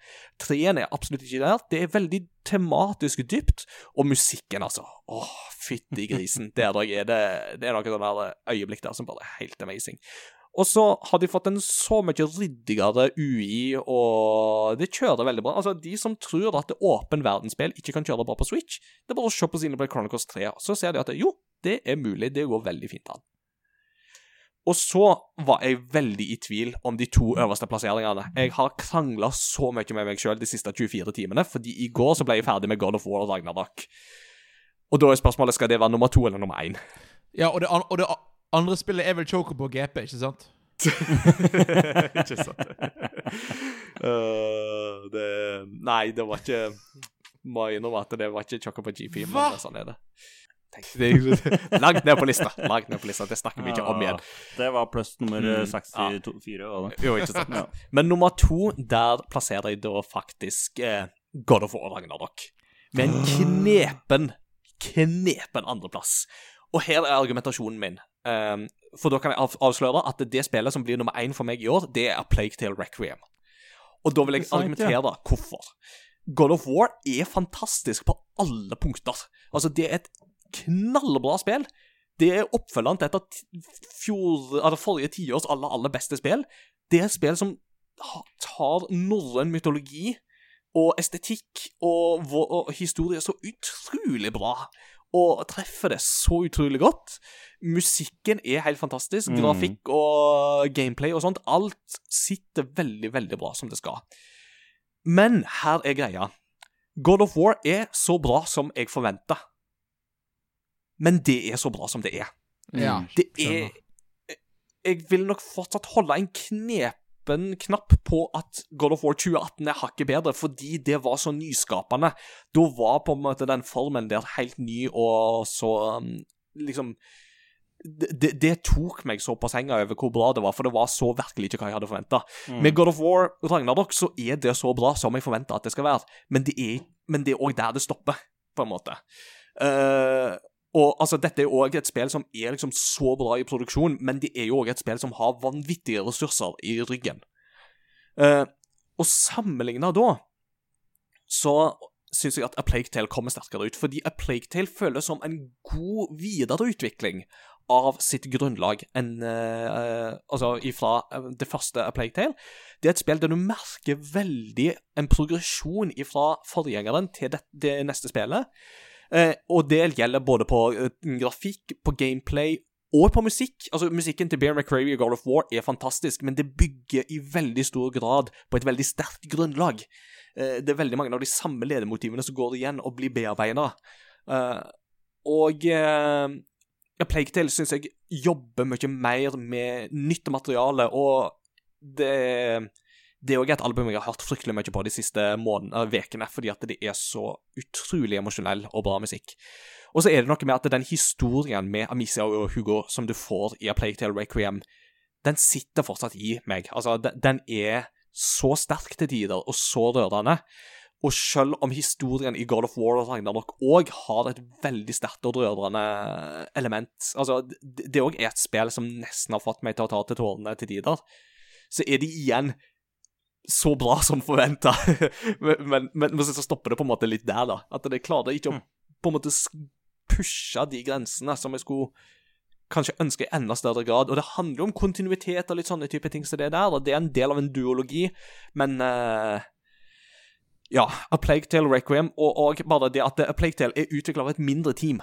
Det er et mindre team som står for dette. her. De har laga en inhouse engine som bare imponerer sokkene av meg. Ikke minst, dette er et motor som rendrer 300 000 rotter på skjermen samtidig. Det er helt absurd hvor bra det ser ut til tider. Ja, og det er jo da òg et spill som kun kommer til the next gen consoles, der God of War òg er et PlayStation 4-spill, eh, samtidig som det er PlayStation 5. Så det er mine argumentasjoner for å rangere det sånn. Det jeg syns er veldig spennende, er jo at din Altså, kall det dine klager på God of War, er egentlig litt det som mange har problemer med Nintendo-spill. Hvor det på en måte det sitter veldig Eller ikke sitter fast, men det er det det er. Men det er ikke noe mer. Og det, det er kjempebra, men som du sier dette er mer God of War 2018, som er kjempebra, men det er ikke så mye mer nødvendigvis enn God of War 2018. Mm. Og det er jo litt av det som har eh, gjort eh, Pokémon Legends så veldig spennende, ikke sant, er jo nettopp det at eh, Pokémon Legends er jo det spillet som vi har prøvd å på en måte pushe Pokémon-formelen eh, til ve veldig nye områder, og det har jo vært en av grunnene til at det spillet har vært så spennende. Det var veldig nært at det sp spillet òg kom med, men hadde det kjørt litt bedre teknisk, så hadde jeg absolutt hatt det med. Så der jeg står i dag, så er det faktisk der eh, lista havner for meg, med at The Plague Tale vinner liksom min pris, da, fordi at eh, Ja, rett og slett uh, for the reasons I've mentioned. Og da er vi jo kommet til siste spalte, og da må vi prøve å liksom lande på hva av disse, alle disse spillene vi har snakka om, skal vi ha som vårt kollektive Game of the Year 2022. Jon Edvard, hva tenker du eh, oppi dette her?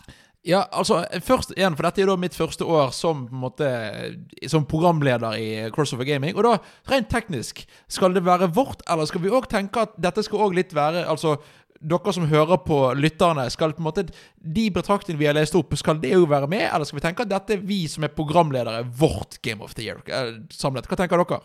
Jeg tenker jo det at eh, primært tidligere så har vi jo først og fremst tatt utgangspunkt i hva vi sjøl har spilt, og hva vi har likt godt og sånt, men vi har jo hatt tilfeller der liksom to av tre har spilt et spill, og da har tredjemann sagt at eh, ja, jeg tipper at jeg òg kommer til å like det når jeg får spilt det, så da er det greit for meg å ha det som Game of the Year. Men privat så er det jo liksom hva, hva vi tre syns, da. Eh, så um, Peter um, Jeg ser jo kanskje for meg at eh, enten God of War eller Forbidden West eller A Plague Tale muligens er liksom Det er iallfall tre spill som har gått igjen. Mm. Um, men uh, ellers har jo Pokémon Legends òg vært et spill som jeg jo har slengt ut opp til flere anledninger. Uh, hva tenker du der, Jon Edvard? Ja, for det var selvfølgelig da, siden jeg hadde det på min førsteplass, vil jeg da slå et lite slag for Pokémon Legends. Eh, jeg, jeg ville ikke sette det på førsteplass, men jeg ville liksom gi det en honorary andreplass, kanskje, fordi at det er flere av oss som har nevnt det. Og var det jeg tenkte, for det er flere i discoen som har nevnt akkurat det at det var kanskje, kanskje det beste spillet, men det var en hyggelig overraskelse. Så kanskje Jeg tror hvis jeg skulle valgt Altså, altså eh, jeg vet ikke om vi har en andreplass egentlig, men å ha litt sånn eh, benevnelse under. Eh, på andreplass kommer Pokémon Legends Arceus. Og så tror jeg dere skal få lov å bestemme førsteplassen, for der er litt sånn der Ja, jeg tror jeg liker alle spillene som dere velger uansett. Mm. Det er jo eh, Alle spillene som vi jo har snakka om i disse topp ti, eh, eller topplistene våre her nå, er jo selvsagt liksom vel verdt å spille, alle sammen. Eh, det er jo spill som vi går gode for. Men Peter, hva du tror? Nei, jeg tenkte at det blir jo God of War. Mm. Um, det er jo han som er um, Han sier at det, det er jo det spillet som er øverst uh, nest øverst på de liste, og antageligvis øverst på min liste. Mm. Eh, så fort jeg blir ferdig med det, og så Requiem blir ikke jeg ferdig med for neste år uansett, så det blir på den lista. Mm. Um, Og jeg har jo en mistanke om at Jon Edvard òg kommer til å like det godt når det bare Elias får gitt det til han i julegave. Ja. Øh. Men uh, det høres ut som at vi har en vinner i um, Disappointed Father Simulator 2022. Så da er det vel kanskje God of War som vinner eh, prisen for 2022, samtidig, samme um, som i 2018. Men altså, det er jo Det er jo et solid spill. Det er jo ikke til å stikke under en stol at dette er jo Altså, det er jo så velpolerte, gode spill, eh, dette her. Mm. Og som jeg jo sa òg, altså, den der tolkninga av norrøn mytologi som du får her, er jo så fantastisk. Altså, Det er en realistisk Thor. ja, det var en realistisk Thor. Det er jo akkurat det det er. Altså, altså da, da, da den ble vist første gang, så var det jo Internett klikka jo, fordi at det var bare sånn «Å, Thor, det- det- du er svær, og magen det ser ut som en eh, Holdt jeg på å si slask slabbedask, men det var sånn Ja, men hallo, det Thor liker å gjøre, det er å drepe ting og drikke til Krampatana. Hvordan tror du han ser ut? Ikke som en eh, pretty blonde Australian, iallfall. That's for certain. Og det, det er jo fortsatt en ganske episk intro han har. Åh, Altså, altså, når han i dette spillet her, da. Altså. trekker for, og så skjer liksom gnistringer mellom hammeren og fingrene. Det er jo Og, og jeg kan si det allerede nå. Altså, ja, spillet er en litt slow burn til å begynne med, men det var jo God of War 2018 òg. Men når du får noen av disse bosskampene i dette spillet her Å, fytti bikkja, altså! Det tar så av! Og jeg bare sånn der Åh! Jeg hadde særlig én bosskamp som jeg gleder meg til å snakke med dere om, for at det var bare sånn da den endelig begynte, og jeg liksom eh, begynte den kampen, så var det bare sånn at, Åh, dette føles så godt!